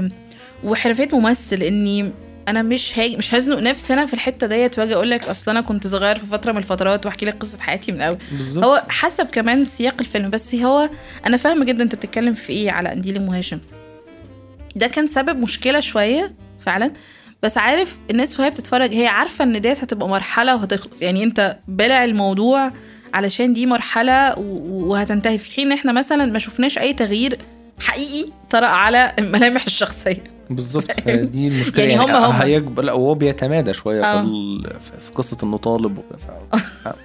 يعني جزء ألمانيا طول شوية آه. معانا على الجانب الآخر نرجع تاني للفيلم اللي هو الحب قصه قصة اخيره إحنا قلنا انت بتقولي قنديل ام هاشم كان بيكون أكثر اخلاصا للقصة فالموضوع بيعدي. التاني ما كانش حسيت الأمور أكثر اخلاصا للقصة قد ما كانت في تجربة بصرية كبيرة جدا. صحيح ده حقيقي. يعني رأفت الميجا كاتب مر بمراحل كتير ومراحل كتب في الستينات و... و... السبعينات كان يعني كان عنده مراحل كتابية وتجارب كتابية كتير. كان عارف إزاي يكتب آه، بالاتساق مع الاتنين مع الصورة ومع الموضوع. للحب قصة أخيرة كان يعتبر فيه تجريب كتير. وخاصة إنه دي كانت مغامرة يعني حسين القلة كان هو كمنتج هو بيقدم فعلا كان بيقدم أفلام فيها قدر من الوحيد اللي بيدفع فلوس ومش عارف. راجعه ولا آه فاهم اللي هو أنا أنا أنا أنا بحب السينما. يعني فاهم أنا مبسوط وبحب السينما فأنا هنتج ودي كانت آه، شيء جريء وقتها كمان آه، خاصة إن كان في طبيعة أفلام على الصعيد الآخر يعني إلى جانب مثلا أفلام محمد. خان. وعاطف الطيب كان في تجارب تانية تجارب آه، مقاولات وكان بتجيب صدى بشوف لطيف أفلام المقاولات بصراحة بستغرب جدا الهجوم اللي بياخدوا فيلم The Room و Disaster Artist وبتاع وبتاع. يعني أنت هنا بتشوف سينما اللي هو هو ده كان بيتقدم جنب ده هو ده التنوع اللي إحنا بنتكلم عليه مش. مش هنقول دوت وحش بس هي الفكرة المشكلة إن نفسها حتى الأفلام دي ما كانتش كوميدية يعني في الكوميدي منها في حاجة سمير غانم بصراحة جامدة جامدة بتضحك يعني لو حد بيحب الضحك أيوة. للضحك ده. ده. ده جامد ده. الأستاذ يعني بس في ناس كانوا بيعملوا أفلام هم بيتكلموا بجد فالموضوع بيجيب ضحك وبيتكلموا بجد جدا يعني لو أنا قلبي على الموضوع بزيادة فالموضوع والموضوع عكس. مضحك أنتوا بتعملوا حاجات تضحك فدي كانت المشكلة الحقيقة صحيح هو هو دايما كان إحنا عندنا حتى لحد دلوقتي وأظن طول ما إحنا مستمرين على كده شوية الموضوع هيطول إنه إحنا في تفاوت كبير في في مستوى الأفلام اللي بتتقدم في السينما. للحب قصة أخيرة لما كان آه، اتعرض آه، بالتأكيد كان مر بالمرحلة ديت الناس طيب هو هو الفيلم إيه؟ يعني أنت طول الوقت هو الفيلم ممكن يتصنف إزاي؟ بس ميزة آه، رأفت الميهي إن هو كان هنا بقى عارف على على رتم الشاعرية البصرية جدا. ما تقدرش تقول إن الف... لو أنت فعلا اتفرجت على الفيلم وما تعرفش إن هو بتاع رأفت ممكن ما تعرفش إن هو بتاعه يعني إلا لو مثلا قريت مثلا على التتر انت بتعرف آه. مين بس هو كان هنا في شعريه يعني بصريا قيمة الصورة نفسها كانت أعلى كمان من قيمة الكلام اللي ممكن يتقال أو الفكرة اللي الفيلم نفسه بيناقشها. ودي في حد ذاتها كانت مغامرة وتجربة حلوة قوي إن أي حد يتفرج عليها بيحب السينما. أنت بتشوف مشاهد ممكن تحس إن في تفكيك يعني عشان كده بنقول في تجريب. آه آه في تفكيك كبير على مستوى ال- الفيلم. القصص نفسها ما يعني تقدرش هو كان تقول مخلص لل- للمشاهد البصرية أكتر من مخلص إخلاصه للقصة جدا يعني. خاصة إن أنت ممكن تشوف مثلا في مشاهد طويلة. المشاهد نفسها ممكن فيها آه، آه، غنى إن هو يتحرك ويبقى فيه شخصيات وتتكلم أو بتلاحقها أو بتحصل حدث. من أول الفيلم فعلا لو أنت بتتفرج المشهد البداية الافتتاحي دوت طويل. المشهد المركب وهي ماشية آه. وفي النيل وبالليل ده دي مغامرة مبدئيا. ان أنت تبدأ أساسا فيلمك بمشهد زي دوت افتتاحي صامت آه بالليل آه انت مش عارف انت بتتفرج على وما إيه تعرفيش أصلا القصة تعرفش كاريوكا بتتخانق. وبعدين وتكملوا عادي. فاللي هو. في إيه؟ أنتوا مين أصلا؟ بس عارف الاستهلال الأولاني دوت شدك قوي. شد فعلا. أي حد بيحب السينما لأني لو أي حد مثلا بيتفرج من باب إن أنا بتسلى فاتفرجت على الفيلم في تحت إيدي فاتفرجت عليه وأنت بتتفرج هو في إيه؟ فاهم؟ ممكن تقفل الفيلم. على ذكر ده الفيلم نجح على الإيرادات ولا عشان ما عنديش معلومات؟ بص مش مش هقدر أقول لك آه ولا لا لاني مش عارفة قوي بس لأن دوت 86 بس اللي أنا عارفاه إن أظن الفيلم ما كانش حقق ال- النجاح الكبير خاصة هو هو في نقطة مهمة الفيلم ده أساسا مر بمشكلة إنه آه، كان دخل سمعت. النيابة آه، أحكي يعني آه. المشكلة الشهيرة اللي هي كانت تعتبر اتكررت مع مع علي زايد كممثلة أكتر من مرة كان سواء كانت في دوت أو في فيلم أبو الدهب مع أحمد زكي ده يعتبر كان من أكتر العوامل اللي, اللي أثرت على الفيلم بالإيجاب وبالسلب من ناحيتين آه بس إن هم آه اتورطوا كان في بلاغ في بوليس الآداب على. يحيى الفخراني ومعالي زايد وبعدين الموضوع, الموضوع- يعني اتلغى بسبب عدم اختصاص الجهة. وما تلاقيش إن فيه حاجة أصلا بالظبط يعني حتى ده كمان كان فعلا نفسه كلام محمود ابو السميع الم- المصور مدير التصوير الممتاز يعني آه، بس ال- ال- الفيلم نفسه ك- كقيمة بصرية آه، نقدر نقول عليه إن هو عايش ومستمر لكنه بيعتبر underrated شوية لل- للناس. يعني ممكن فعلا في ناس ما تعرفش إن في فيلم اسمه الحب قصة أخيرة أصلا لا هو مش هيبقى من أشهر أفلام مش من أشهر الأفلام رغم إن هو الفيلم نفسه آه، كقيمة بصريا وكذلك قيمة على صعيد المضمون اللي بيقدمه غني جدا. يعني عارف تحس إن في فيلم اتعمل بس محدش يعرف عنه حاجة بس يا جماعة شوفوا الفيلم لو شفتوه هتنبهروا حاجة كده يعني إيه، على ذكر بقى إن إحنا يعني بننتقل لموضوع جديد آخر سؤال في موضوع المقامات والسينما. في حاجة من النوعية دي ترشحيها للناس اللي بتسمع هو ما نقدرش نقول إن في سينمات كتير أو أفلام كتير كانت قدمت في السياق دوت آه، بس آه، يعني أنا الأول أتمنى إن هم يتفرجوا على الفيلمين دول لأن هم كمان فيلمين يعني قدام نسبيا آه، لكن آه، كأفلام تانية آه، ممكن نبدأ بالفيلمين دول وبعد كده نبقى نشوف يعني. بس نظرا لأن أصلا التجارب اللي اتقدمت في السياق دوت كانت قليلة جدا كطرح للموضوع نفسه اللي هو فكرة إن إحنا بنتكلم عن مقام أو بنتكلم في الإطار دوت يعني.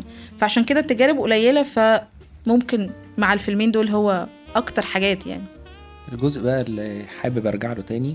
وما أعتقدش إن هو كان هيبقى فيه داعي لفصله أصلا عن الحلقة ويمكن ده هنطول شوية في. الحلقة بس أنا شايف إن هو جزء لا يتجزأ خاصة تناوله للأمور الدينية وكمان فيلم صاحب المقام أحب أرجع لسينما إبراهيم عيسى آسف جدا يهمك. لازم لازم اعطلك يعني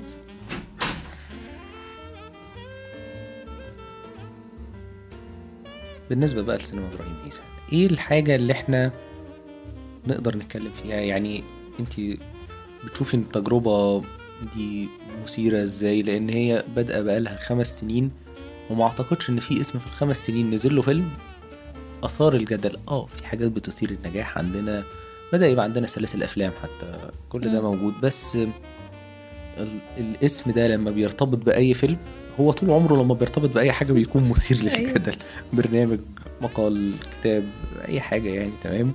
بس السينما بقى خلاص فيها فيلم لإبراهيم عيسى. يعني لدرجة إن إحنا في مولانا كان مخرج مجدي أحمد علي الضيف هادي الباجوري مخرج محمد العدل صاحبي صاحب المقام. بنلاقي إن الثلاثه لا يذكروا اعلاميا بشكل كافي رغم إن هادي الباجوري مثلا اتذكر كتير في هبته في مسلسلات محمد العدل بيتذكر اسمه مجدي أحمد علي من الناس القدام في مم. في الإخراج. أفلامه بس برضو إبراهيم عيسى وأسلوبه طاغي بتعرفي إن ده فيلم إبراهيم عيسى. في بصمة. جدا. رحلة بطل آه، أسلوب ساخر آه، خيوط متشابكة. انت شفتي بتقيمي التجربة إزاي؟ هو لو اتكلمنا أكيد هيكون في آه، نظرة آه، مبدئية وأولية م. على إبراهيم عيسى نفسه. م. إبراهيم عيسى كاتب آه، صحفي وكاتب آه، رواية وبيكتب كتب. يعني ال- التوليفة ديت كلها إلى جانب إن هو عنده وجهة نظر وده مش بيبقى متحقق كتير. لما بيكون في كاتب بيبقى عنده وجهة نظر بيقدم كتابة للسينما بتحمل وجهة النظر ديت أو بتحاول تعبر آه، عن مجموعة من الأفكار اللي هي ممكن تكون في اختلاف ما بينها وما بين أفكار تانية سائدة ده بيخلق حالة من الجدلية. لأني ما نقدرش آه، نقول إن ما- السينما ال- الكتابة اللي بيقدمها إبراهيم عيسى لا تحمل فكرة. ده في حد ذاته نقطة معة جدا أو نقطة لصالحه جدا. آه، السينما اللي عندنا السينما المصرية بتحتفي جدا بأفلام الأفكار. بتحتفي لا بت... كمان بيتم اعتبارها إن هي أفلام نخبوية. يعني حتى إحنا كنا اتكلمنا من شوية عن رأفت الميهي دايما بيحتفى بأفكاره بطريقته بالظبط. اللي عايز يقوله. ومحدش بيتكلم عنه حتى- كمخرج يعني ذو تجربة. بصرية أصلا يعني. حتى لو أنت مثلا ممكن تكون ما بتحبش الفانتازيا آه يعني حتى دايما حتى على فيسبوك مرايات خان آه،. واقعية عاطف الطيب شاعريه داوود. عمر ما حد جاب سيرة رأفت هو عنده ولا screenshot من أي حاجة هو عملها بالظبط لا هو هو مخرج بيقدم أفكار هو بيقدمها طبعا بشكل بصري بس كل ما كان فيه وجهة نظر وفكرة بيتم التعامل مع الأفلام ديت إن هي أفلام نخبوية زي مثلا تجربة ورباعية يوسف شاهين انت طول الوقت يقولك ده أنا مش فاهم الفيلم بس رهيب. الفكرة إبراهيم عيسى آه، كاتب بيقدم أفكار خاصة إن هي أفكار عايشة دلوقتي يعني أفكار آه، ليها علاقة بالحال والواقع دلوقتي. إحنا محتاجين كتاب يكون عندهم وجهة نظر يكون عندهم رؤية وكمان يكون عندهم كتابة للسينما. وإن كانوا يفتقدوا الكتابه للسينما يكون في كتاب سيناريو يقدروا يشتغلوا معاهم عشان نقدم فيلم سينمائي فعلا تجربة إبراهيم عيسى في السينما اللي هو كانت ثلاث أفلام اللي هي ما تعتبرش تجربة كبيرة بالنسبة. مثلا لكاتب أو مخرج لكنها آه، عنده تجربة أو عن يعني عند البعض وعنده هو آه، رسمت ملامح للي هو بيقدمه الأفلام اللي هو بيقدمها خاصة إنها الأفكار اللي هو بيقدمها شفناها في الكتب بتاعته شفناها في المقالات. فأنت دايما رابط إن فيلم مثلا إبراهيم عيسى هيبقى هيعمل حالة من الجدل. ليه؟ لأن هو بيطرح أفكار. آه، مولانا طبعا رواية وتم تحويلها لفيلم. آه، مجدي أحمد علي كان عنده باع سينمائي بالتأكيد. حول الرواية آه، لفيلم وهو اللي كان كاتب السيناريو. وإبراهيم عيسى كتب هو كان. كان كاتب بالظبط. وده باين يعني جدا وبص بالذات في السنس الكوميدي بتاع شخصية حاتم أو آه. عمرو سعد كان هو بص هقولك إبر... إبراهيم عيسى ككاتب ال... ال... فن القصة حاجة وفن ال... ال- الرواية حاجة والوسيط ال- اللغوي الكلمة الاعتماد على الكلمة حاجة وإني أعتمد معاك على ال- الجانب البصري أحيانا في أفلام كتير مثلا بنشوفها هو ده بنشوفه أكتر في السينما الأجنبية يعني والجانب الأوروبي كمان. ممكن يكون مثلا في أفلام يكون فيها مشاهد طويلة حوارية لكن الحوار فيها أنت آه، ما بين آه، أخذ ورد بسلاسة وبتكون المشاهد نفسها جزء من الحكاية متضفره إنما مثلا لو جينا مثلا بصينا مثلا على فيلم الضيف ودي كانت تعتبر رغم إن الفيلم كحكاية قوي جدا مثيرة حكا... جداً. حكاية الفيلم فعلا كمان وحبكته قوية جدا ومثيرة فعلا جدا بس في سذاجة شوية سذاجة أو مش هنقول سذاجة هنقول يعني سذاجة سينمائيا لكنها محاولة لإقحام آه كلام على لسان أفراد لمجرد إني أوضح وجهة نظر أو أعرف بشخصية البطل في مثلا مشهد طب أقول لك على حاجة مم. عشان ما نتوهش الناس. معانا أوكي. بيسمعونا هسألك سؤال وبعدين هنقرر على أساسه أنت إيه فيلمك المفضل لإبراهيم عيسى في الثلاثه بص هما التلاتة بيعجبوني بس في الفيلم المفضل لو اتكلمنا أنا كان عاجبني الضيف الضيف. ولكن في مشاكل خلتني أبعد عن طيب. الفيلم عشان أنا بحب نتكلم مم. الأمور يعني بيبقى فيه متوحدة شوية وإحنا اتكلمنا شوية عن إبراهيم عيسى. في الأول. فنبدأ بفيلم مولانا ولا الضيف؟ ن- نبدأ بمولانا. كأن كتجر... ك... كالتجربة الأولى اللي هي كانت بتتكتب للسينما كان كتب حوار مش كتب الفيلم بشكل كامل. آه، مولانا كان ممسوك آه، اخراجيا شوية. كان تجربة مجدي أحمد علي معروفة و... والفيلم نفسه كان فيه شخصيات كتير ونقلات كتير طبعا نظرا لأن هو الرواية نفسها. بس مشروع الفيلم في الأول كان مرشح إنه يبقى مسلسل شايفاه مسلسل أحسن؟ شوف هو ممكن يبقى مسلسل وممكن يبقى فيلم بس أنا شايفة إن ال- آه، الفكرة لو فيلم هيبقى فيلم ناجح جدا. لو تم التعامل مع ال- الفيلم بشكل مكثف بشكل آه، آه، فيه آه، ركائز. يعني آه، كل كل شيء واضح هو مكانه إيه كان هيبقى جيد جدا. ال- الكاست نفسه بصراحة مش كله كان موفق ودي مشكلة إنه الأفلام اللي بتحمل أفكار أو بتحمل تحولات في الشخصيات بتحتاج ممثلين عندهم قدرة على التعبير. هو هنا ده ممكن يخليني أقارن التجربة دي بصاحب المقام لسبب. صغير في مشكلة في تصميم بعض الشخصيات حوالين شخصية البطل بس كان أداء ممثلين صاحب المقام أقوى, أقوى كتير من البطل وكميتهم مع بعض ودي حاجة آه. مهمة في ممكن تجيب اتنين ممثلين جامدين كميتهم مع بعض وحشة مهم. صح مش مش ظابطة معاهم بس هنا عدم وجود أداء تمثيلي قوي وطبعا على أساسه الكيمياء مش قد كده باين المشكلة دي. بس الشخصيات يعني الشخصية الرئيسية كانت قوية. بتاعت حاتم تكاد آه. تكون مبهرة. جدا جدا. وتكاد تكون كمان عارف اللي هو أنت مكمل الفيلم عشانها. يعني أنا مكملة الفيلم علشان وعمرو سعد كان أيام. يعني زي ما قلت هو ال perfect match بتاعها يعني ده هو بتاع ده يعني صحيح. مش ما صحيح. بتحصلش كتير يعني صحيح ان إنه فعلا آه يقدر يعبر عن زي ما هي كده في الرواية كده و- وخاصة كمان ال- الجانب الكوميدي اللي كان already موجود في الحوار اللي هو كمان موجود في الشخصية وموجود في سعد. يعني آه. الرواية ممكن أنا صعب أضحك بشكل شخصي. على حاجة مكتوبة. م- مكتوبة مكتوبة. لا هنا كنت صحيح. بضحك يعني صحيح فعلا يعني هو فعلا ده كان في الرواية بس زي زي فعلا زي ما أنت بتقول وزي ما إحنا بنكمل ال- الأفلام اللي بتحمل قدر من الجانب الفكري وجانب التحولات داخل الشخصية بتحتاج لممثل عنده المقدرة على إظهار هذه التحولات. إحنا في الفيلم ما شفناش كل الشخصيات على نفس المستوى الواحد. كان في تفاوت كتير في الأداء وكان في نقدر نقول إنه يعني حسيت إن في ناس مش في مكانها مش في مكانها خالص. وده حاجة تفصل أي حد وهو بيتفرج. يعني أو حتى مثلا لو أنت بتمنح الفيلم مساحة كده موضوعية أوكي أنا هكمل معاكم لحد الآخر بس في نفس الوقت أنت مش شايف الشخصية في مكانها.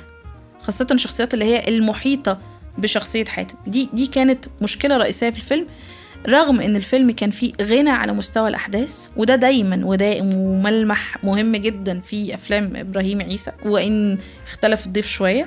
لكن أفلامه فيها دايما آه، زخم يعني هي زخم دي كلمة مش حلوة في الأغلب بس في وهي دي أحداث فكرة دي اللي كتير. بتخلي الواحد يعني يقدر. يقدر يكمل يعني يعني شوفي كتير جدا من الشخصيات الرئيسية هنا ما كانتش على يعني على قد المسؤولية ومتجاوبة جدا مم. يمكن المفاجأة اللي كانت لطيفة هو شخصية رمزي العدل ورمزي العدل ممثل لطيف جدا جداً،. وخفيف وعنده خفة دم غريبة يعني صحيح واكتشاف يعني لا لا يعني كوميديان تقيل. يعني بس دي يعني اللي حواليه بقى ما كانوش قد ال... عشان كده كنت تحس إن الفيلم نفسه فأحداثهم مفكك. وزخامهم هم اللي بتلاقيه طالع من هنا رايح هنا بيحصل له مشكلة هنا بيحصل له أزمة كده بيحلها هنا بيهزر مع حد هنا فبيخلي زي موضوع يعني كل شوية بيعمل لك refresh كده للأمور يعني مم. فبتتغاضي على المشكلة اللي حصلت قبل كده أيوة. هو بيلحقك يعني كل ما يحس إنك. أنا بدأت أركز مع مشكلة يبدأ يعرض لك موضوع مم. جديد فيسحبك معاه أنت عارف حاجة؟ إنه السينما بتحتاج لنفس شوية.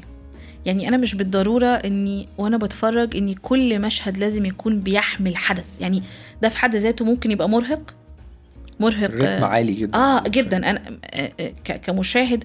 إلى جانب كمان إن ال- النفس دوت اللي هو بيبقى الإيقاع بقى ووتيره المشهد والكلام بقى اللي هو إحنا ممكن نكتبه في مقالات بس إحنا هنا بنقوله بشكل زخم. في. أفكار في صراع أفكار قوي بيخلي ما أعتقدش إن كل المشاهدين قادرين يتواصلوا مع الفيلم. أيوه اللي هو أنت عايز تقول إيه قبل إيه؟ ده, ده على فكرة تحديد الأولويات لدى الكاتب يعتبر من أهم النقط اللي ممكن يفكر فيها قبل ما يبدأ كتابته. يعني ده بتفكرني مثلا بنشوفه. بأفلام السيره الذاتية المصرية يجيبوا من وهو طفل لحد ما بيموت اللي هو الخط ال- ال- ال- اللي لازم نمشيه عليه. طب وليه ما ناخدش جزء من حياته؟ ما تمشيش ما ينفع- معاك؟ ما لا ينفعش. ما ينفع يعني مثلا هي كله يا بلاش. الناس 56 لما اتعمل قال لك الفيلم حلو خالص بس هو الحتة دي ما هو الحتة دي عشان هو مرصود الجزء دوت من, ال- آه. من الحكاية.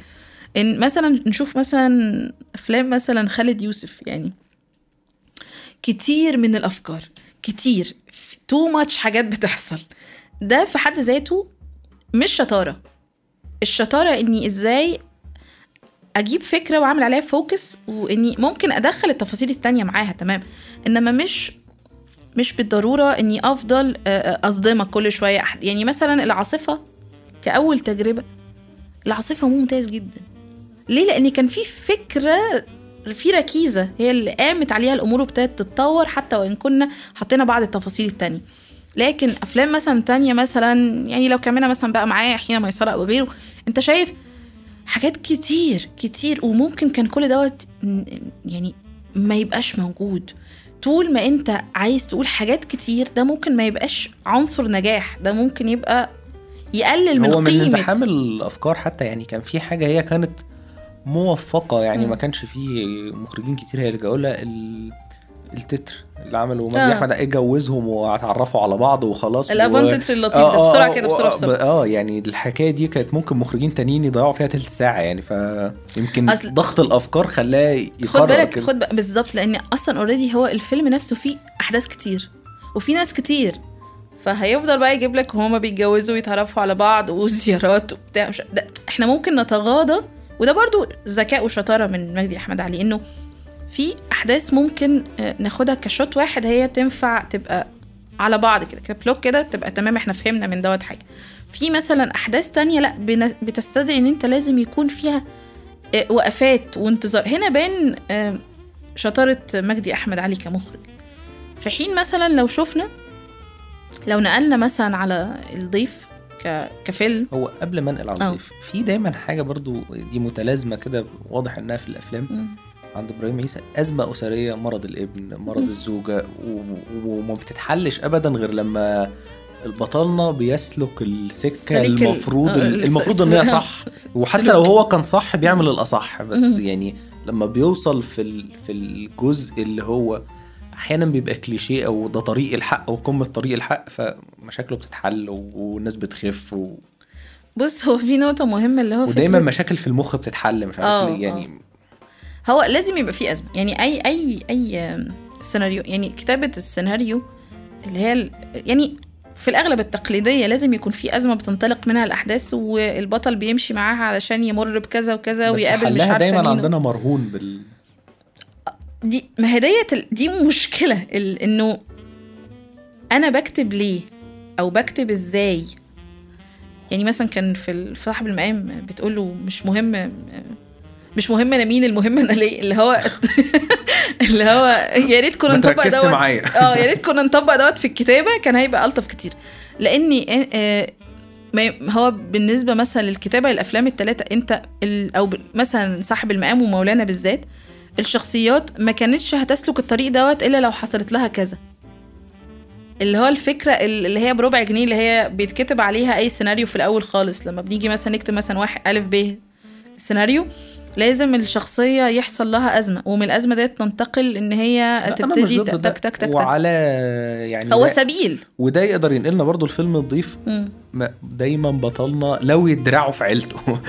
بالظبط. بيحصل له على بطلنا قوي لا يقهر.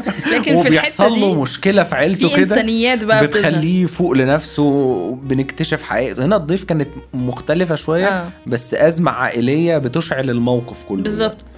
هو ال- اللي هو فكرة ندخل ان بقى على الضيف لأن آه. هو ده أكتر فيلم كان مثير للجدل جدا. لأن البطل نفسه آه، كشخصية آه، إحنا مبدئيا أفلام إبراهيم عيسى كلها أو بالذات مولانا والضيف إحنا الشخصيات عارفين هم مين وطريقة تفكيرهم إيه يعني في الضيف مثلا شخصية الكاتب هي فيها كتير والبعض دوت انتقد في الفيلم هي كتير من فيها كمان عيسى يعني physically في خالد الصاوي كان هنا شبه إبراهيم عيسى بس مش عارف ليه الشنب مع يعني, يعني آه الشكل الجسماني شوية. الأداء كمان كان هو كله يعني اللي هو الجانب ال ال الكوميدي الساخر حتى في طريقة ال- الحركة في آه آه، كذا لو حد اتفرج على برنامج لإبراهيم عيسى هيلاقي. هيلاقي هيلاقي يعني هو أو هي اللي. ظبطت مع خالد الصاوي أنا بصراحة أصلا بحب الجانب الكوميدي في شخصية خالد الصاوي هو من الناس اللي. بيضحك بمجهود قليل يعني.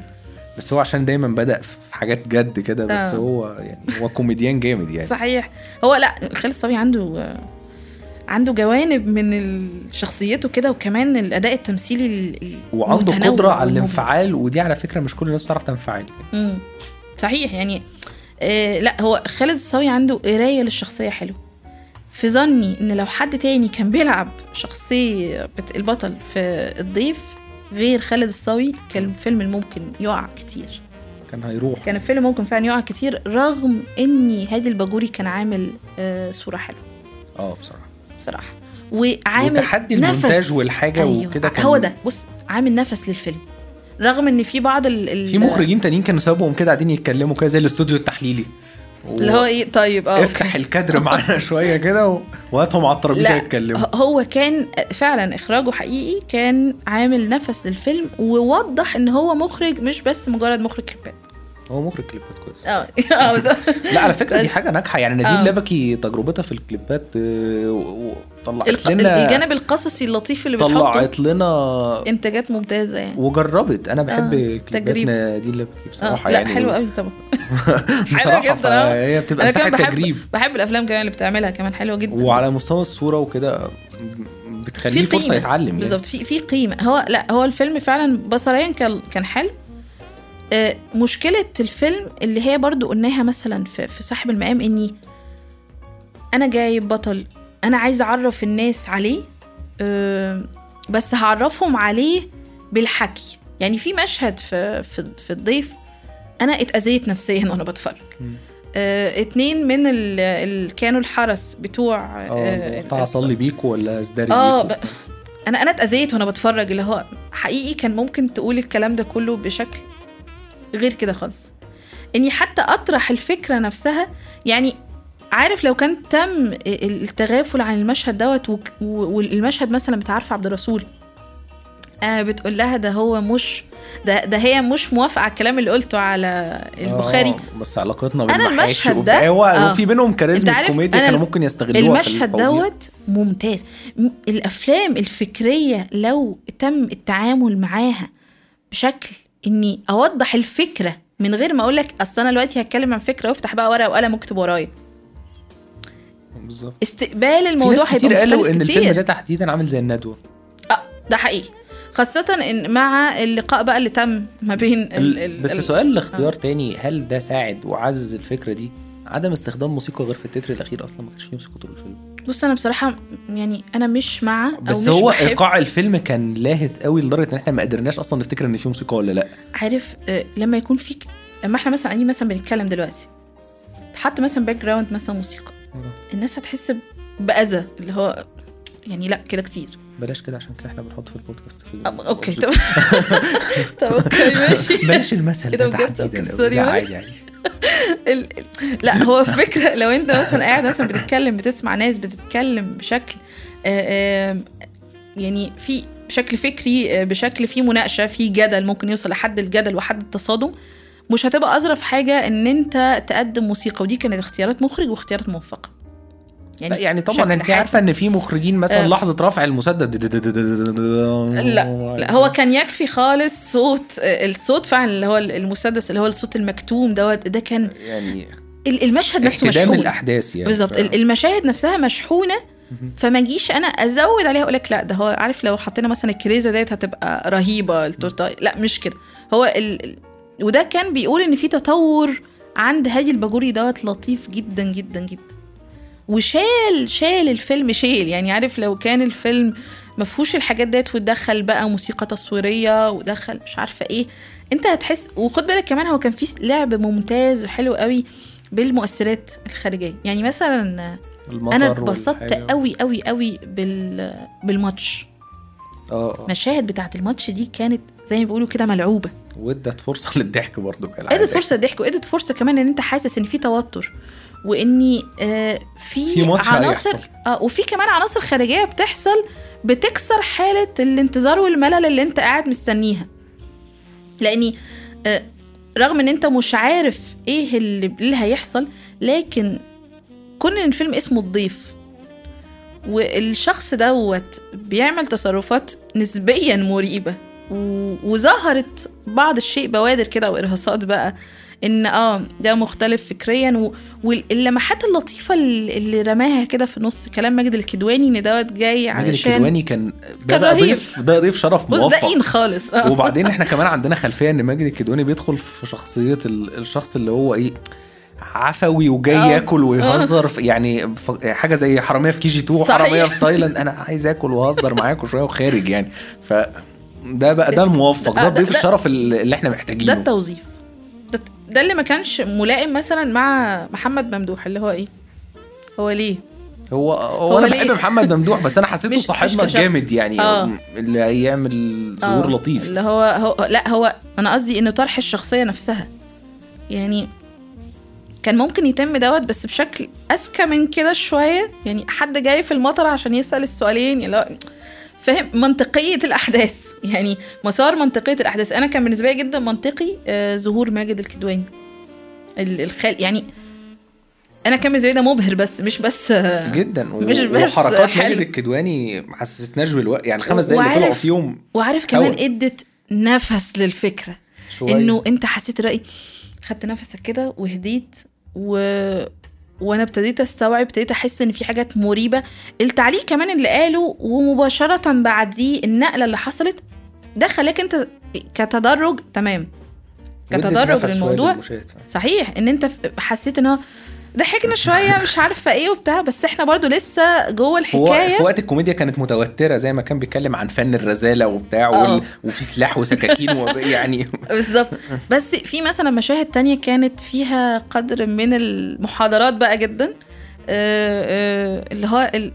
أنا مش مع مش ضد دوت بس إزاي يطرح هي ديت النقطة الفيصلية اللي خلت فيلم الضيف البعض يقول عليه إن هو أشبه بالمحاضرة بس في برضه كان انتقاد بيقول إن رسم الشخصيات وأداء الممثلين خلينا نقول رسم. الشخصيات وندخل على أداء أيوة. الممثلين رسم الشخصيات البعض انتقدوا بس أنا كانت أكتر حاجة بشكل شخصي بالنسبة لي ملفتة يعني الدافع اللي طلعت بيه شخصية فريدة أو جميله عوض يعني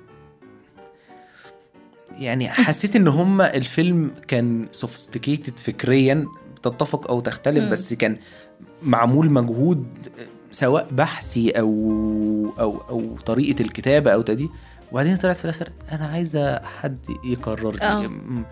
وفي وسط البيئة دي أكيد مش دي هتعمل كده. استغربت. وأنا بتفرج بصراحة. يعني حسيت إن أنا يعني الدافع ده كويس كويس إن هو حصل قبل. مشاهد ال ال ال الإثارة دي. لأن إحنا لو كنا كملنا معاه وبنينا عليه كان الفيلم أعتقد لبس في الحيط جامد بقى يعني.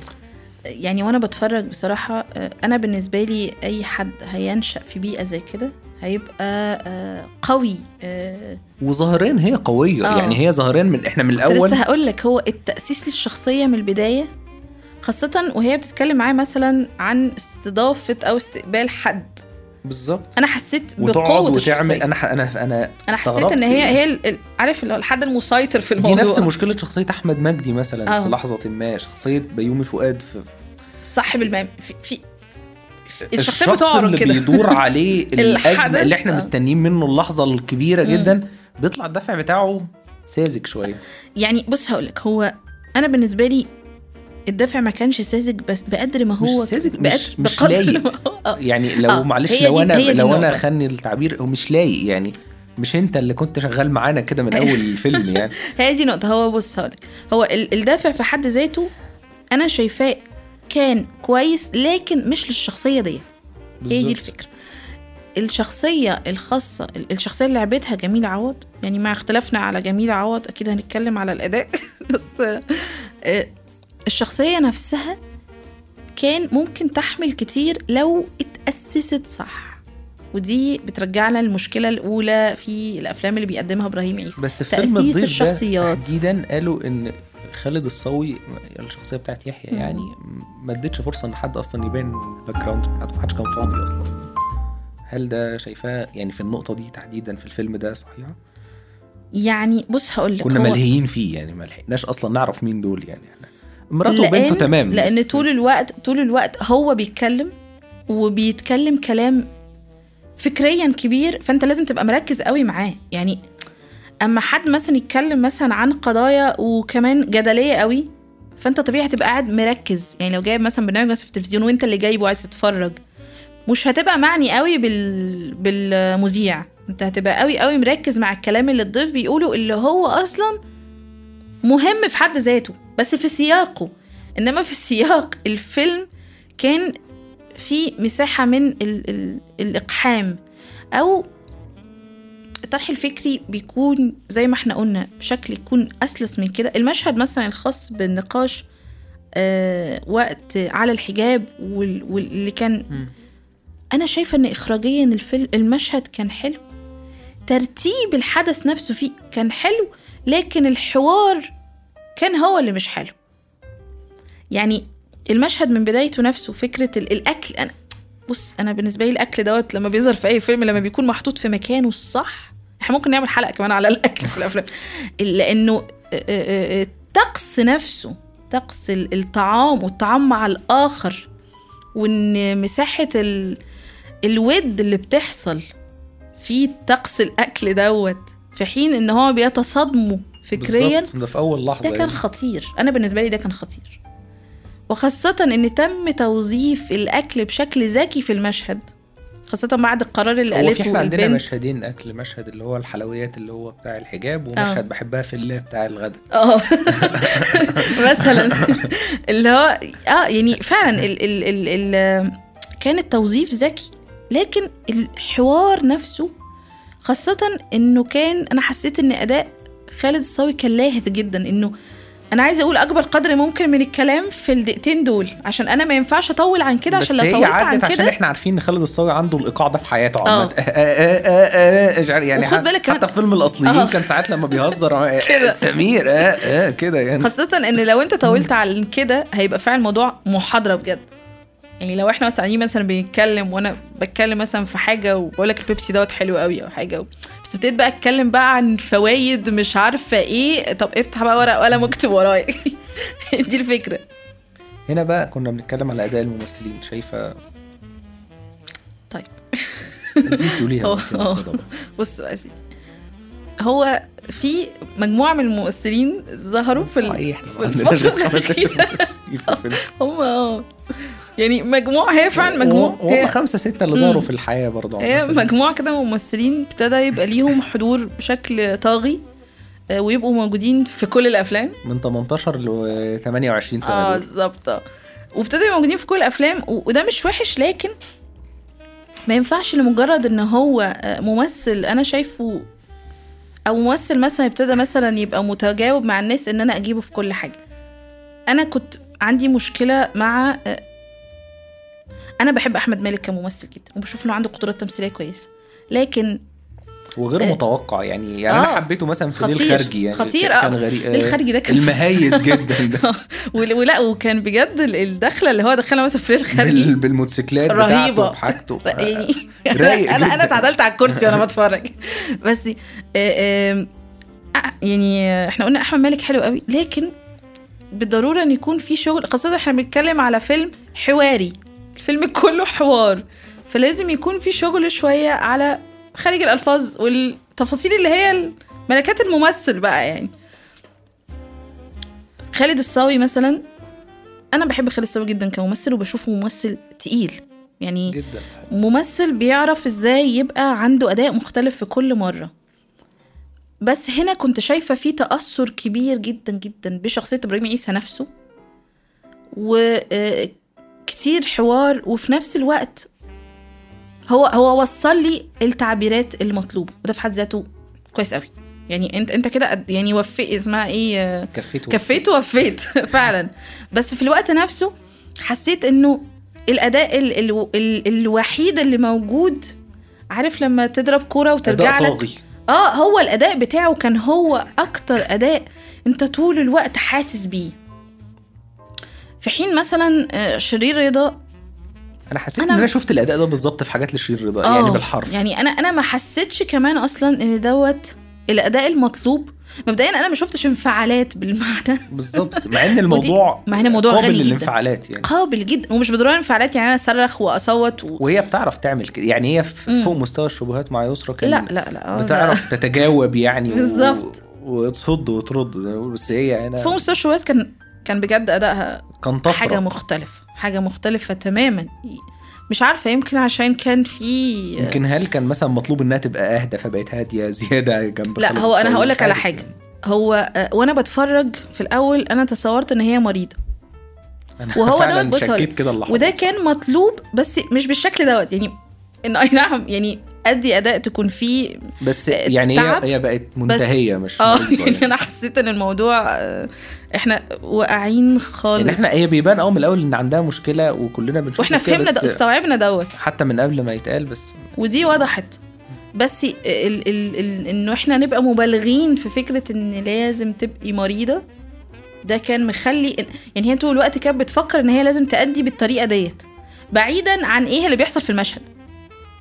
رغم إن في مشاهد وخاصة مثلا لما اكتشف إن هي مسيحية أو كده. ده كان بالضرورة إنه يكون لأن هو دوت يعتبر master scene للشخصية.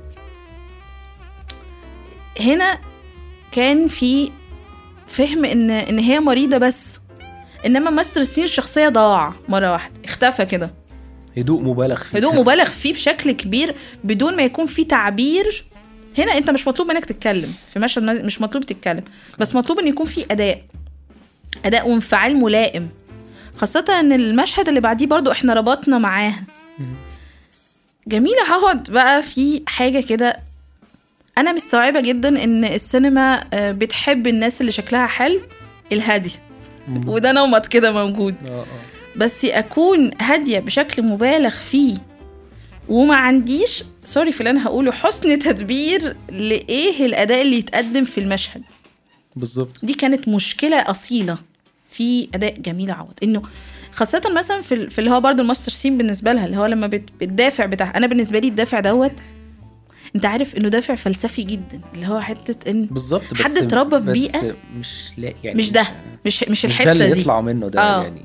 خاصة مع إن هي اتقدمت في, على مدار ال- ال- المشاهد اللي قبلها إن هي اللي بتقرر. يعني لا هيجي كذا يعني ومش بي- هنتفرج على كذا ومش ه... وهات الريموت ومش يعني اللي هو حتة هو القرار في إيه بالظبط؟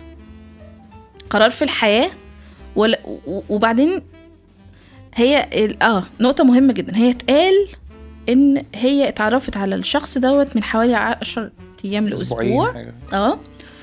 وشخصية في البيئة ديت في البيئة اللي هي كلها آه، آه، آه، تفكير منفتح تفكير بيستدعي إن الإنسان يبقى على قدر من تحديد مسؤولياته. كل دوت هل يعني sorry هل هت- هتتغير طريقة تفكيرها في أسبوعين؟ ده بالنسبة لي برضو كان شيء هو كده. هو إزاي؟ بس okay خلاص يعني إحنا بن- بنتعامل مع الأفلام وأنا بحب كده جدا. إحنا ما ما نجودش على على يعني أنا بشوف كده فعلا. ما نجودش على صانع الفيلم بقدر ما نتناقش في الفيلم اللي اتقدم. مش مطلوب إن إحنا نقول إن كان لازم يبقى فيه وكان في لازم يبقى فيه. لا بس إحنا بنتناقش في إطار اللي اتقدم. اللي اتقدم في بعض التفاصيل غير المنطقية. فخلت إن اللي بعدها كمان يبقى غير منطقي شوية. هي تعتبر أكتر شخصية حصل لها تحول. لأن هي الشخصية المتضررة الأولى. وما بينتش. ما بين. ما شفناش ده. على الإطلاق حتى في النهاية لما بتقول بتقول لوالدها يعني لا يعني ما تقولش كده اللي هو ال- التهديد يعني كاستجابة للتهديد. ما, ما, ما تحسش إن فعلا الشخصية هي اللي بتقول ده. يعني كل الشخصيات اللي كانت بتمر بتحولات في الأفلام بيكون في تعبير وأداء تمثيلي مصاحب لدوت. في حين إن إحنا بنشوف هنا في, في أداء جميله عوض كان مفتقر وده يعني ده بنرجعه لتفاصيل كتير يعني آه، كان مفتقر لل- لل- إن إحنا نعبر عن التحول دوت. إحنا كأننا ما حسيناش بالتحول. ودي كانت مشكلة أصيلة في الفيلم. وده كان سبب برضو إن الناس حست بإنه فيلم محاضرات فقط. عارف لو كان في ممثلين أد... مش ب... مش بالضرورة إن هم يكونوا معروفين. بس إحنا مش بنقول كده يعني مش لازم يتجاب ممثل معروف. بس لو ممثل قادر على الأداء التمثيلي يقدر يشيل الشخصية ديت كان الفيلم هيختلف وممكن كمان الناس ما تنتبه أو بمعنى تاني ما تعولش بشكل كبير على الجانب ال- المحاضرات بقى. يعني ممكن دوت يبقى شيء عرضي كده إن لا ده. الفيلم فعلا حلو وفيه أداء يعني قوي وفيه تبقى نفس فكرة 12 انجري مان آه آه، بالظبط. خاصة إن كان في زحمة كتير. الفيلم ده مثلا يعتبر درس ممتاز لأي حد. خاصة إن هو كان سيناريو قصدي كان يعني معدل المسرح بس سيدني لومات أخده وهو فيلم صعب تصويره أنا قريت. كتاب اللي كتبه سيدني لومات هو كتاب عظيم يعني. تصويره طلع أصعب من الأفلام العادية لأن هو بينقل مش عارف إيه على الحيطة دي فيعني يعني الراكور بتاعه صعب جدا جدا جدا. ف- وكلهم قاعدين في مكان واحد و... وفكرة أنت عندك اتنين- 12 شخصية مختلفين بتت- فعلاً. مختلفين. وهنا بقى التحول الفكري الحقيقي إن أنت تتعامل بالكلمة. الفيلم دوت يعتبر من أكتر الأفلام اللي الحوارية اللي كانت هو سينمائيه حواري بس لدرجة آه. إن إحنا ما عرفوش أسامي بعض ومكملوا ما- ما- وانت مش فاضيين. وانت كمان مش معني إن دول أساميهم إيه يعني فاهم؟ يعني أنا أظن إن الناس اللي كتبت على الفيلم كنقد أو كده اللي هو إنت في في صعوبة إن إنت تحدد هم مين الأسامي ديت أو مين الشخص بس الفكر نفسه اللي الفيلم بيقدمه والسبل الإقناع بقى والمنطقية. طالما أنت بتتكلم على فكر ما ينفعش تيجي من بره الموضوع كده تقولي والحمد لله كل حاجة اتحلت وبقوا طيبين وكويسين. أنا ما اقتنعتش أنا ما اشتريتش يعني. بس آه، آه، آه، ودي مشكلة خاصة أصيلة. في 12 انجري مان كانوا بيمروا بتحديات وبيتزنقوا يعني يعني ال- الشخصيات كلهم بيبقى في مجال للإقناع في سبب للتحول لكن دي اللي هو أنا وكو- زهقت. وكل شخص عنده دوافع قوية. وبتبان دايما ال back story بتاع كل واحد فيهم من غير ما يقول لك بسيط يعني مثلا أنت كنت متربي هنا. في شارع فأنت متعاطف مع أهل الشارع ده تقريبا لو أنا متذكر مم. صح ده مش عارف كان متخانق مع مين فعارف عندك يعني كذا مش عارفه إيه عنده فاهم؟ حالة آه. مشابهة فأسقط عليها وبتتقال في جملة إيه. واحدة مش لازم بقى نقعد نحكي وأنا كنت داخل ورايح وأنت فهمت وأنت فهمت لأني هو دوت المفروض يحصل في ال ال الأفلام اللي فيها قدر من الحوار والأخذ والعطاء يعني هنا كان ping pong جدا بالظبط. في, في الفيلم دوت. في حين إن إحنا مثلا بنشوف ومع اختلاف أداءات الشخصيات خلى الموضوع صحيح. والتحول التحول اللي الشخصيات وصلت له بعد ما كانت مقتنعة بكذا بقت 180 درجة ومقتنعة بحاجة تانية. بس أنت وأنت بتتفرج أنا مستوعب هو ليه اتغير. هي ديت الفكرة إنه أنا مش فكرة بقدم فيلم واتفرجوا يا جماعة وكلنا مبسوطين وخلاص. طالما أنا بتعامل مع المشاهد بقدر من احترام عقليته واحترام يعني أنا مش هينفع مثلا يجي أقول لك مثلا كل بطاطس بطاطس حلوة. أنت عايز تاكل بطاطس؟ جرب تاكل البطاطس. إنما أجي واقول لك أنت لازم تؤمن بالفكرة ديت علشان هي ديت الصح. طب هي ليه الصح؟ فأنا وأنت لازم ندخل في ماتش كده نتكلم بالظبط. وأنت تقنعني أو أقنعك. إنما مش مسألة إني أنا آسفة بس ده فعلا بيبقى كمان استخفاف بعقلية المشاهد إني بالضرورة إن هو يستوعب ويفهم ويصدق ويقدر وياخد الموضوع وخلاص. لأ ده غلط. مش غلط يعني هو هو في غلط وفي صح في كل حاجة بس مش فكرة غلط سينمائيا غلط بشكل عام. فاهم. سواء كان مقال سواء كان فيلم سواء كان كتاب. okay. على ذكر 12 Angry Men بعد اللي حصل مع فيلم الضيف والانتقادات دي أعتقد إن فيلم الضيف يمكن النوعية دي ما شفتهاش في مصر كتير قوي. يمكن مش فاكر لها حاجة أصلا. تتوقع إن ممكن حد يفكر يعمل فيلم بالنوعيه دي تاني؟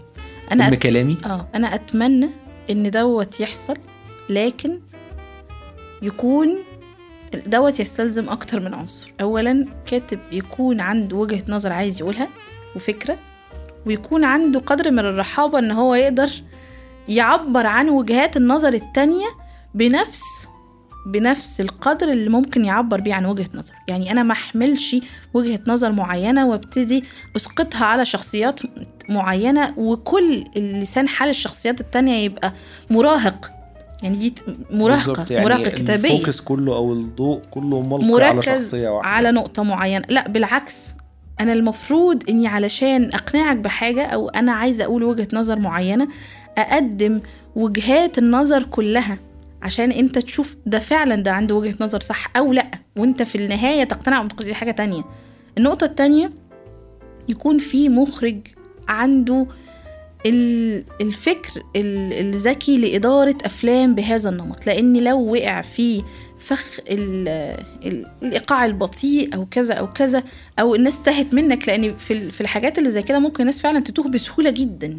أنا مقتنع ان في ناس كتير تاهوا آه اللي هو ده. هو في هو بيقول إيه؟ يعني لو حد مش عارف القضية أو عارف طريقة إبراهيم عيسى أعتقد إن هو تاه مننا يعني من أول ربع ساعة في الفيلم فيلم الضيف ده مثلا ممكن مثلا كان يبقى حد وهو بيتفرج يمسك كتاب ويقرأ هو بيتكلم عن إيه.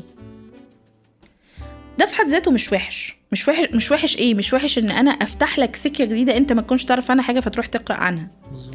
بس الوحش إني أقول لك كلام كتير قوي وأنت مش متابع معايا فتقع مني كمشاهد وبعد كده تيجي أنت بقى هو فين المشكلة يعني هو فين الخلاف اللي هم بيتكلموا عنه بالظبط هو لو في حد مش مشكلة. عارف الموضوع أصلا أو يعني يعني ما تعرضتش عليه القضية عشان يبقى انفولفد معاهم أو متداخل معاهم لكن ال... لكن لو يعني في حد بقى فتح التلفزيون ومش مم. مهتم بالنوعية دي أصلا خلاص أنت يعني بالمقارنه ب 12 انجري مان في قضية إحنا بنعرفها في الأول وبعد كده بنبدأ نشوف والجوانب. بينتقلوا من هنا. لهنا خلاص بنعرف لكن خلاص أنت لو ما تعرفش حاجة عن ال... المسألة الفكرية المطروحة أنت انتهيت من الفيلم من بالظبط يعني دقايق. عشان كده الفيلم كان بالنسبة ل... لناس كتير مش مش هو دوت الفيلم اللي ممكن يدخله ومش بالضرورة إن الأفلام ت... ت... تبقى متضمنة كل الناس وإن كل الجمهور ايا ما كان إنه يتفرج عليها. ده مش يعني هو ده مطلوب بس مش بالضرورة إن كل الأفلام تكون كده. في أفلام فكرية في أفلام بعض يعني نخبوية إنجاز عليها التعبير في أفلام الاستعراضية مش عارفة إيه. يعني ايا كان في أنواع كتير ومش بالضرورة إن أنا أحصر الناس في المشاهد في حاجة معينة. قصدك. بس لما أقدم حاجة زي كده تكون ما فيها يعني. آه، بالظبط. ما, وقعوش مني ويبقى حاسس إنه أنا ما فهمتش حاجة. سؤالي الأخير عن الفيلم. النهاية أنا حسيتها رمزية جدا كان إيه. رأيك فيها؟ لا عجبتني. حسيتها فيها عجبتني كبير. لسبب لأن عارف هقولك هو فيها كمان طموح شوية. هو قتل الدفن تحت الكتب. لا دي كانت رهيبة بالنسبة لي. آه. آه دي كانت وبعدين هو عارف تخلص من الفكر المتشدد في يعني السلفي مم. نسبيا بال وحركة الكتب دي في حد ذاتها. بس كان هنا في في رمزية جديدة في معنى إيه؟ هو استخدم العنف. العنف الفيلم دوت كان إنتاج 2019 مم. هندخل كده في حتة شوية بس توجه الدولة آه، إنه آه، آه، مواجهة الإرهاب تكون آه، لو ما نجحتش عن طريق الفكر اللي هو في الأغلب برضو ما بيتقدمش بشكل برضو قوي قوي بس لو ما نجحتش عن طريق الفكر فهتنجح عن طريق المواجهة. المسلحة. آه، الفيلم قام بدوت وحركة إن هو وقع الكتب عليه ديت إن هو وكأن أصبغ عليها فكرة إنه حاربناهم برضو فكريا لكن هنتضرر. هنتضرر لما هو آه، اصابته لأنه هو ال- الطعن. الطعن آه. فال ال هي فيها رمزية بس فيها ذكاء. بصراحة حقيقة. فيها ذكاء. و... وتلائمت مع وواقعية في نفس الوقت. وعجبني جدا إن هم عرفوا يبنوا يعني ال production design بشكل عام أو الديكور ساعد بدون ما يكون صح. إحنا جايبينه لحد هنا يعني آه وإن تحصل ال ال ال الضرب واللقطة وكذا وكذا والمكتبة ويفضل يتطوح ويمشي ويخ- دي ممكن تحصل عندنا في يفضل يتطوح لحد ما يوصل المكتبة. عادي جدا آه آه. بالظبط بس لا ال- الحركة نفسها سلاسة المشهد و و وسرعته ودي طبعا المخرج آه، بس وتعليق درجة التوتر لدرجة كبيرة في فيلم أصلا ما كانش متوقع منه إن حد يتهز. أساسا عارف لما يكون في مثلا رتم اللي هو أنت ماشي برتم بطيء عارف أفلام هيتشكوك شوية اللي هو أنت بالظبط. بتبقى أول ربع ساعة أو تلت ساعة اللي هو ممكن طيب. تقوم تجيب حاجات وتيجي آه والفيلم شغال خالص عادي ما فيش حاجة خالص بس في لحظة ما بتيجي مره واحدة الدنيا بتتوتر تتوتر جدا والريتم بيتصاعد جدا أنت ما ينفعش بقى هنا تسيب الفيلم مم. أنت هنا أنت هنا مربوط ومكمل مع الفيلم مشهد النهاية كان أنا عارف حسيته موفق شال جدا. آه شال من كتير من أزمات الفيلم آه اللي فاتت وخلاك أنت وأنت خارج من الفيلم أنا مفيش في دماغي غير المشهد ده. فلا هو بصراحة مشهد موفق جدا جدا. هو بصراحة يعني كمان كان أحمد مالك يعني الشخصية بتاعته وصلت إن هي يعني خلت النهاية متعاطف معاه لأن هو خنق المشاهد جدا. يعني ملوش حل غير كده. أنا بدأت أحس كده يعني. ما هو ما هو دوت برضو ده مطلوب اللي هو يعني إيه انت إحساس جوان مو- منتخب آه. مصر قوي. لا آه يا عارف انت اللي هو مثلا انت بتحاول مثلا تواجه آه، الفكر آه، بتحاول مثلا تواجهه مثلا يعني بالفكر. هو معتدي لكن- ولازم التخلص منه آه بس في نقطة كمان ودي مشكلة في حد ذاتها إن كان في آه، قدر من تصوير التعالي النخبوي. ده بنحسه قوي في كل مشاهد خالد الصاوي الحوارية. سواء مثلا بداية من مشهد البداية اللي هو مع القهوجي و... و... وإن وجهة النظر بتاعته وبعد كده النخبوية الشديدة اللي حصلت في المشهد بتاع الازدراء والاتنين الحراس ده كان بالنسبة لي مؤذي مؤذي جدا. النخبوية كمان الشديدة جدا واللي هي بالضرورة أنت تقتنع باللي أنا بقوله لمجرد إن هو كده آه، لما كان بيتناقش مع أحمد مالك. يعني المفروض ان هو طبعا الوصول إلى التعصب الشديد مش بس بيكون مؤذي في ال... هي ممكن تكون دول آه بس كان احمد مالك اوريدي يعني الشخصية بتاعته أعتقد إنها كانت متعصبة فكانوا متعادلين يعني. بس أنا عايزة أقول لك على حاجة مهمة إني آه، آه، سواء أنا مثلا بقدم مثلا فكر مثلا ليبرالي أو مثلا فكر سلفي أو ايا ما كان الفكر لو أنا متعصب متعصب الكلمة فكرة التعصب للفكر في حد ذاته ده ممكن يدمر كل شيء. يدمرني أنا كحد ليبرالي ويدمر الشخص اللي قدامي كحد سلفي أو يدمر كل حاجة. ال... هو في مشكلة إحنا بنفتقدها حتى في الكتاب عندنا وحتى في كل الناس إني التقبل. يعني يا جماعة مش بالضرورة إن إحنا نمحي بعضينا عشان ناس تانية تكمل. مساحة التقبل أو إن إحنا نوصل كلنا لمرحلة من مراحل التقبل سواء أنت كنت ليبرالي أو سلفي أو علماني أو ايا مكان إنه مش بالضرورة إني أقول أو أقول لك إنه اللي أنت بتقوله دوت غلط على الإطلاق أو صح على الإطلاق مفيش غلط وصح هو على الإطلاق مش عارف آه، يعني ال- الرأي ممكن يمشي آه على القهواجي وكده بس أنا حسيت يعني إن طرح الفيلم بيقول إن ده شخص يعني جاي يقتل واحد ورافض وجوده معاك فلا يوجد حل هو الموضوع هنا بقى زي بقى زي أشبه بأفلام العصابات يعني نقتلهم يا. يقتلونا يقتل معاك بقى. بقى يعني في لحظة ما قلبت بأسلوب الويسترن شوية آه. خلاص اللي معاه مسدس هو اللي هيخلص الموضوع. فمش عارف بس هي ممكن يكون هو بس مش عارف أطبقها على النوعيه هقولك. على اللقطة دي في الف... لا على هو الفيلم أنا مش نفسه. بتكلم في مشهد النهاية أنا بتكلم في المشاهد الحوارية اللي كانت جمعت ما بينهم هما الاثنين مش يعني عارف إن- بس أنا حسيت already إن شخصية مالك كان. فيها يعني شخصية أسامة أو مالك كان فيها كان فيها تعصب حقيقي already هو آه. أصلا متعالي. في- آه آه. يعني أنا جاي فمش عارف يعني ف... يعني أنا قصدي إنه لو إحنا مثلا هنتكلم إن الفكر ال- اللي نقدر نقول عليه آه، الليبرالي أو بيحمل قدر ما العلمانيه اللي هي بالتأكيد مش وحشة. يعني أنا بشوف كده. لكن آه، إني إزاي بقوله؟ يعني هو دي بقى حاجة بعيدا عن الفيلم نفسه. هي طريقة طرح الأفكار سواء كان لإبراهيم عيسى أو غيره. حتى مثلا ال ال نقدر لو قلنا عليهم المثقفين والنخبويين وهكذا وهكذا حتى طريقة النظر للأمور البسيطة اللي ممكن تكون بسيطة آه، لكنها بتبقى دايما بتحمل إنه يا إما أنا الصح يا إما خلاص.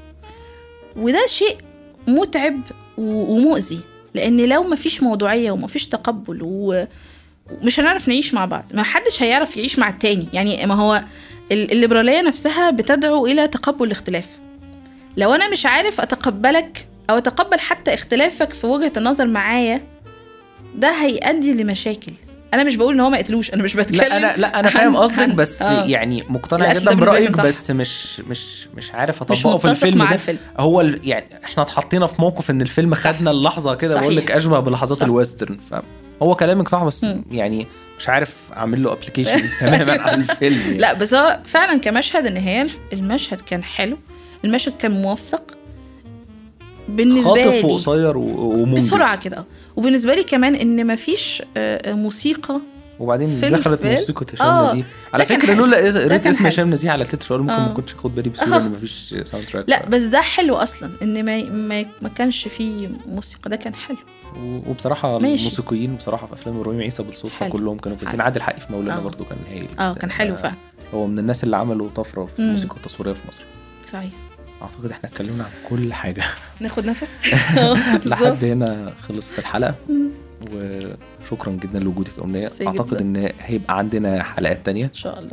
واللي عايز يعرف عن شغل أمنية وحاجتها ولقائتها هحط link تحت في ال description لل blog بتاعتها وايه طريقة تتواصلوا معاها بيها بقى وتقولوا لها رأيكم في الحاجة. لحد هنا خلصت الحلقة بتاعتنا. مستني رأيكم على ال social media accounts بتاعتي في ال description فوق بتاع البودكاست نتقابل الحلقة الجاية. مع السلامة.